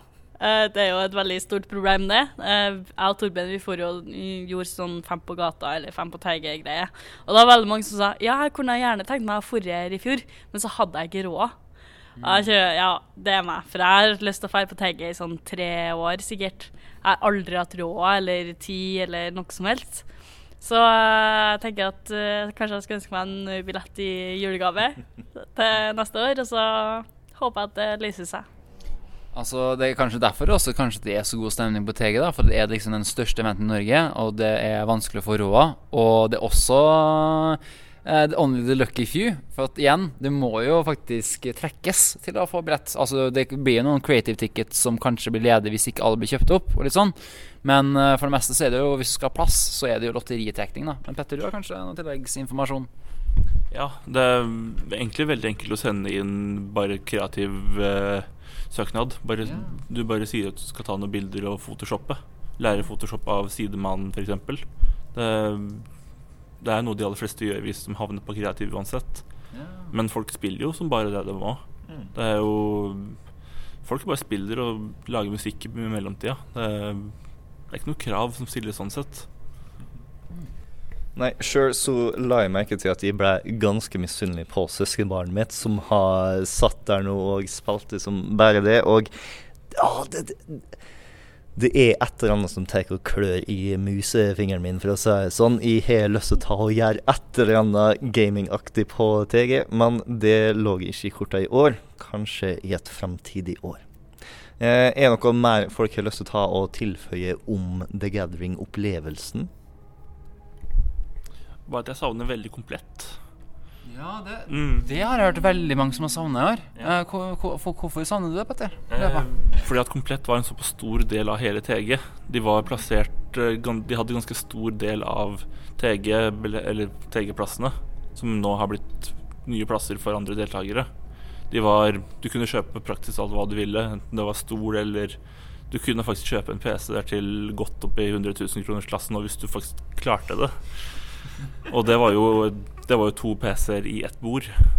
Og de hadde 40 tommers TV hvis du ville kjøpe det. Kan kjøpe, de hadde et ganske stort utvalg med mus og tastatur. Og de hadde også en avtale med Astro, som var et av de mest brukte gaming-headsetene jeg vet om, i hvert fall. Ja, for i år så Vi har jo Det er jo en tilsvarende Det er en liten, ganske liten butikk, men det er sånn Digital Impuls har fått plass. Men eh, det virker ikke som de er det samme utvalget. Eh, det kan nevne litt, da. Digital Impuls bruker ganske mye sjøl. Shout-out til Digital Impuls. Men altså det som er litt som greia med Digital Impuls, er at de er jo en slags nisjebutikk som prøver seg på å Eller som er liksom Man skal ha ting fysisk, ikke sant. De er jo, har to butikker, en i Oslo og en i Trondheim. En som jeg bruker i Trondheim når jeg glemmer å bestille deler rett ifra komplett. F.eks. når jeg bestiller én meter lang uh, vanntube istedenfor uh, 30 cm, som faktisk passer i kabinettet mitt. Eh, og altså, Sånn sagt så er det kjekt, men jeg tror fordelen til komplett er jo at de er ganske svære. Uh, og når de da er på TG, og man faktisk kan se på T nei, komplett sitt utvalg fysisk, så skjønner jeg at det kan virke ganske mye kulere. Nei, Jeg skulle egentlig også likt å sett noen tall gå litt akademisk til verks til det sosialantropologiske Ma the Gathering, egentlig.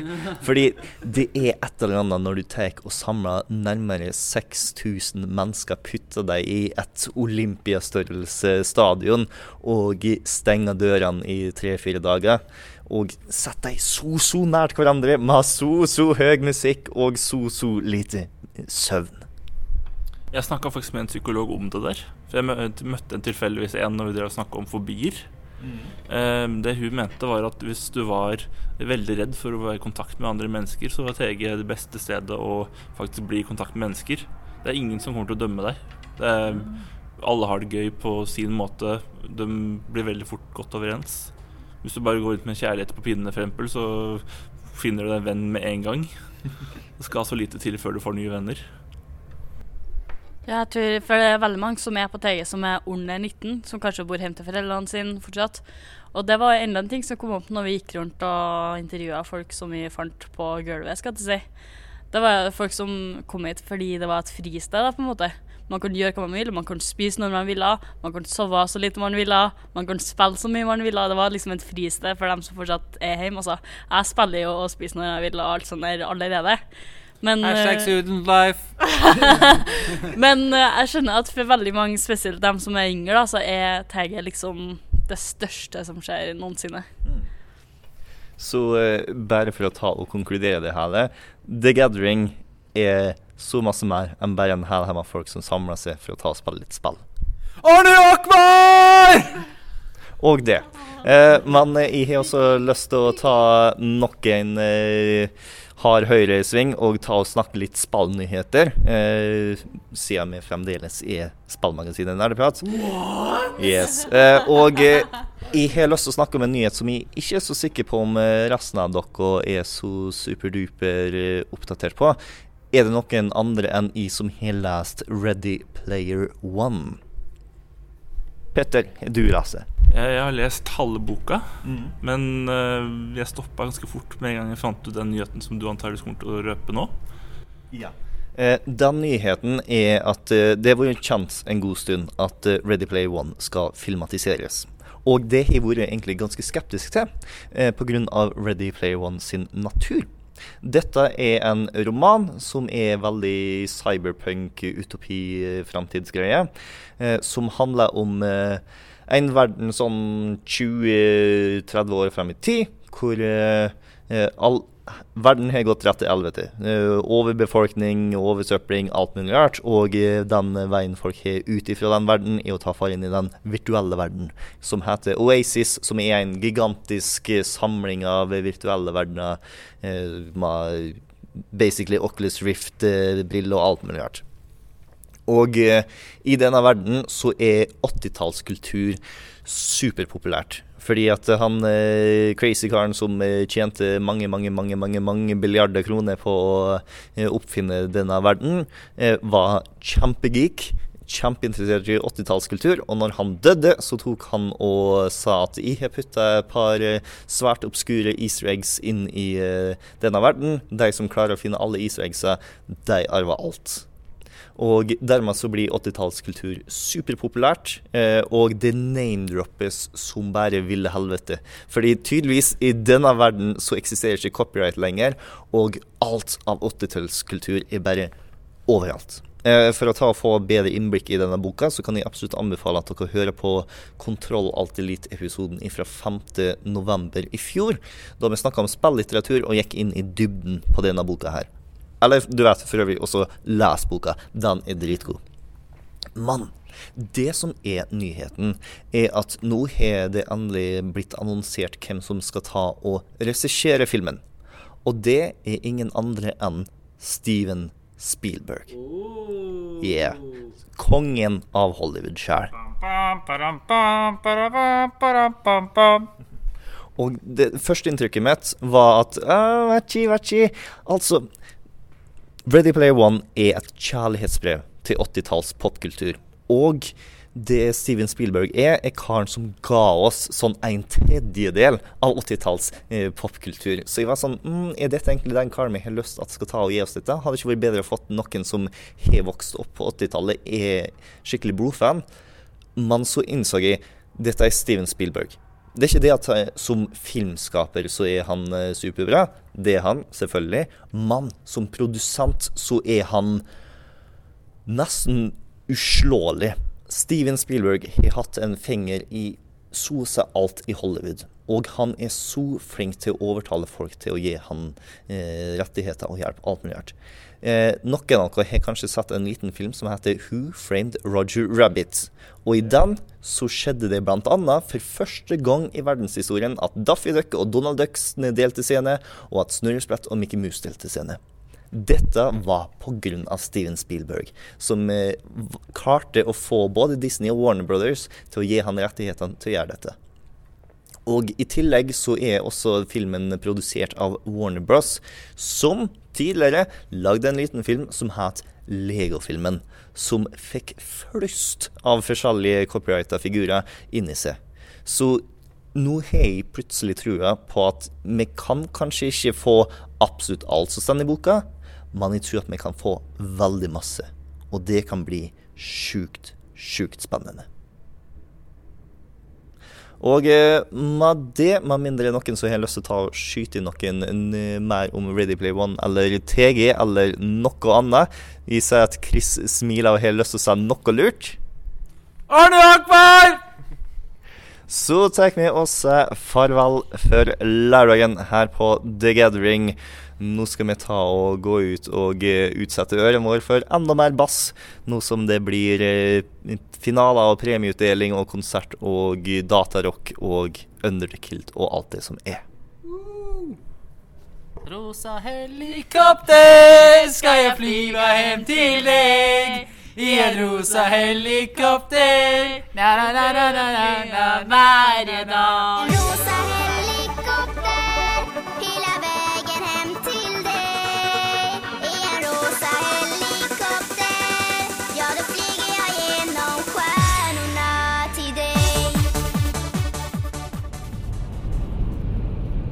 Velkommen tilbake, kjære nerdelyttere. Klokka blir nå tre på natta, som er teknisk sett på søndag. I bakspeilet så eh, krymper Hamar bak oss, og Trondheim er fremdeles en dott som ikke kommer til å vokse i horisonten på fire timer. Vi drar nå hjemover, slitne, men ganske glad etter The Gathering. Og eh, vi har litt av hvert å takke The Gathering for. Jeg vil takke The Gathering for å gi meg et mentalt bilde hver gang jeg skal tenke på hvor mange personer 5000 mennesker er. Fordi det er veldig, veldig masse. Hva har du lyst til å takke Gathering for, Chris? Uh, vel, akkurat nå skal jeg si at det egentlig en ganske Jeg føler iallfall en ganske rar stemning. For at uh, den der eh, plutselig stillefølelsen kom ganske plutselig. Det som er ganske rart òg, er at vi har jo ikke vært på TG mer enn sånn tre netter. Og likevel så liksom føles det ut som det har vært en ganske stor greie ganske lenge, da. Og så fort. Så det er egentlig bare et generelt miljø, da. Var så plutselig på slutten her av TG nå, og så så vi bare på det siste showet, og så sier ja, kom igjen, bli med på scenen og dans, liksom. Så står jeg og danser med alle vertene og tuller, og så får vi hilse på Tabletop-boyen, produsenten, og treffer på han, og så bare sier jeg «Øh, ja, hei! Ja, jeg heter Kristoffer. Og så ja, liker showet ditt. Og så bare få tatt bilde med den, og det var en veldig fin avslutning, da. Og ending on high note, syns jeg var det. Så det var kult. Så basically takke TG for å gi deg muligheten til å hilse på boyen? Ja. Yeah. Torben, hva har du lyst til å ta og takke eh, TG for? Tja, eh, jeg har eh, kanskje lyst til å takke spesifikt TG, ja, pressecrewet deres, for å ha gitt oss eh, store mengder eh, gratis eh, brus og sjokolademelk den siste dagen også. Og massevis av godteri. Og generelt sett, eh, TG generelt, vil jeg takke for jeg har gitt meg veldig mye positivitet. Og bare det å se så mye bli skapt, og og oppfinnsomheten til folk, og hvor mye folk Hvor mye man bryr seg om hverandre, og frivillige som legger ned så mye arbeid i dette. Det vil jeg gjerne takke TG for at jeg fikk oppleve og se. Pressecrewet skal for øvrig også ha takk for at eh, de hjalp oss med å lage såpass masse godt stoff for dere der ute. med, Uten et eh, dugelig auditorium hvor vi kunne stengt dørene og ikke hatt rosa helikopter som bakgrunnsmusikk, så vet jeg ikke hvordan denne podkasten egentlig har blitt. Hva har du lyst til å takke TG for, Åse? Vet du hva, jeg har lyst til å takke TG foruten det Arne har sagt, så jeg har lyst til å takke dem for at jeg fikk ta duckface-bilde med tabletop-boyene og en selfie med Amy Dallen. Eh, opplevelser av det å ha nedsatt hørsel i store mengder tid. Eh, styrken jeg fikk fra å bære kamera i flere timer. Veldig god søvn. Og selvfølgelig masse god erfaring fra det å lage sak i felt. Eh, og dersom du har lyst til å se alt det vi har laga, så finner du linker av det i artikkelen vår på dusken.no. For øvrig stort sett overalt. Akkurat nå på dusken.no så burde forsida være ganske prega av vår dekning av TE, og at ingen andre er i Trondheim og gidder å lage noe journalistikk. Eh, Du kan også ta og sjekke YouTube-sida vår, som er selvfølgelig som alltid nerdeprat. Hvor det vil dukke opp videoer bl.a. av cosplay og rigger om ikke så altfor lenge. Eh, og eh, neste uke så kommer temaet til å være e-sport. Som en liten sånn follow-up på at vi nå har vært på TG og har faktisk hatt muligheten til å snakke med noen e-sportfolk der. Eh, som alltid, du finner nerdeprat på alt av sosiale medier, som YouTube, som Facebook, som Twitter, som Instagram og It's Learning. Eh, fra Felten og Nerdeprat sin første besøk på The Gathering, så har jeg vært Bård. Sammen så har jeg hatt med meg Chris Monsen. Torben Dahl. Og Åse Marin Iversen Øsgaard. Og da tar vi og avslutter med nok en låt ifra bilturen. Denne gangen her ifra ikke et uh, spillsoundtrack, men ifra den CD-en som Chris insisterte mest på at vi skal ta og spille i løpet av eh, denne turen her. Eh, låta heter Nightcall, og den kommer ifra soundtracket til filmen Drive. Ha det bra.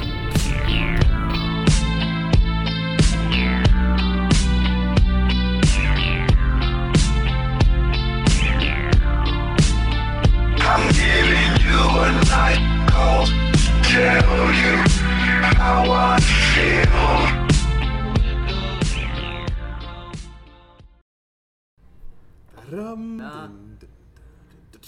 The codex stimulates the small bones of the ear. Only you are able to hear it. Only you. Stay a while and listen. Nerdeprat. On the go, on the fly.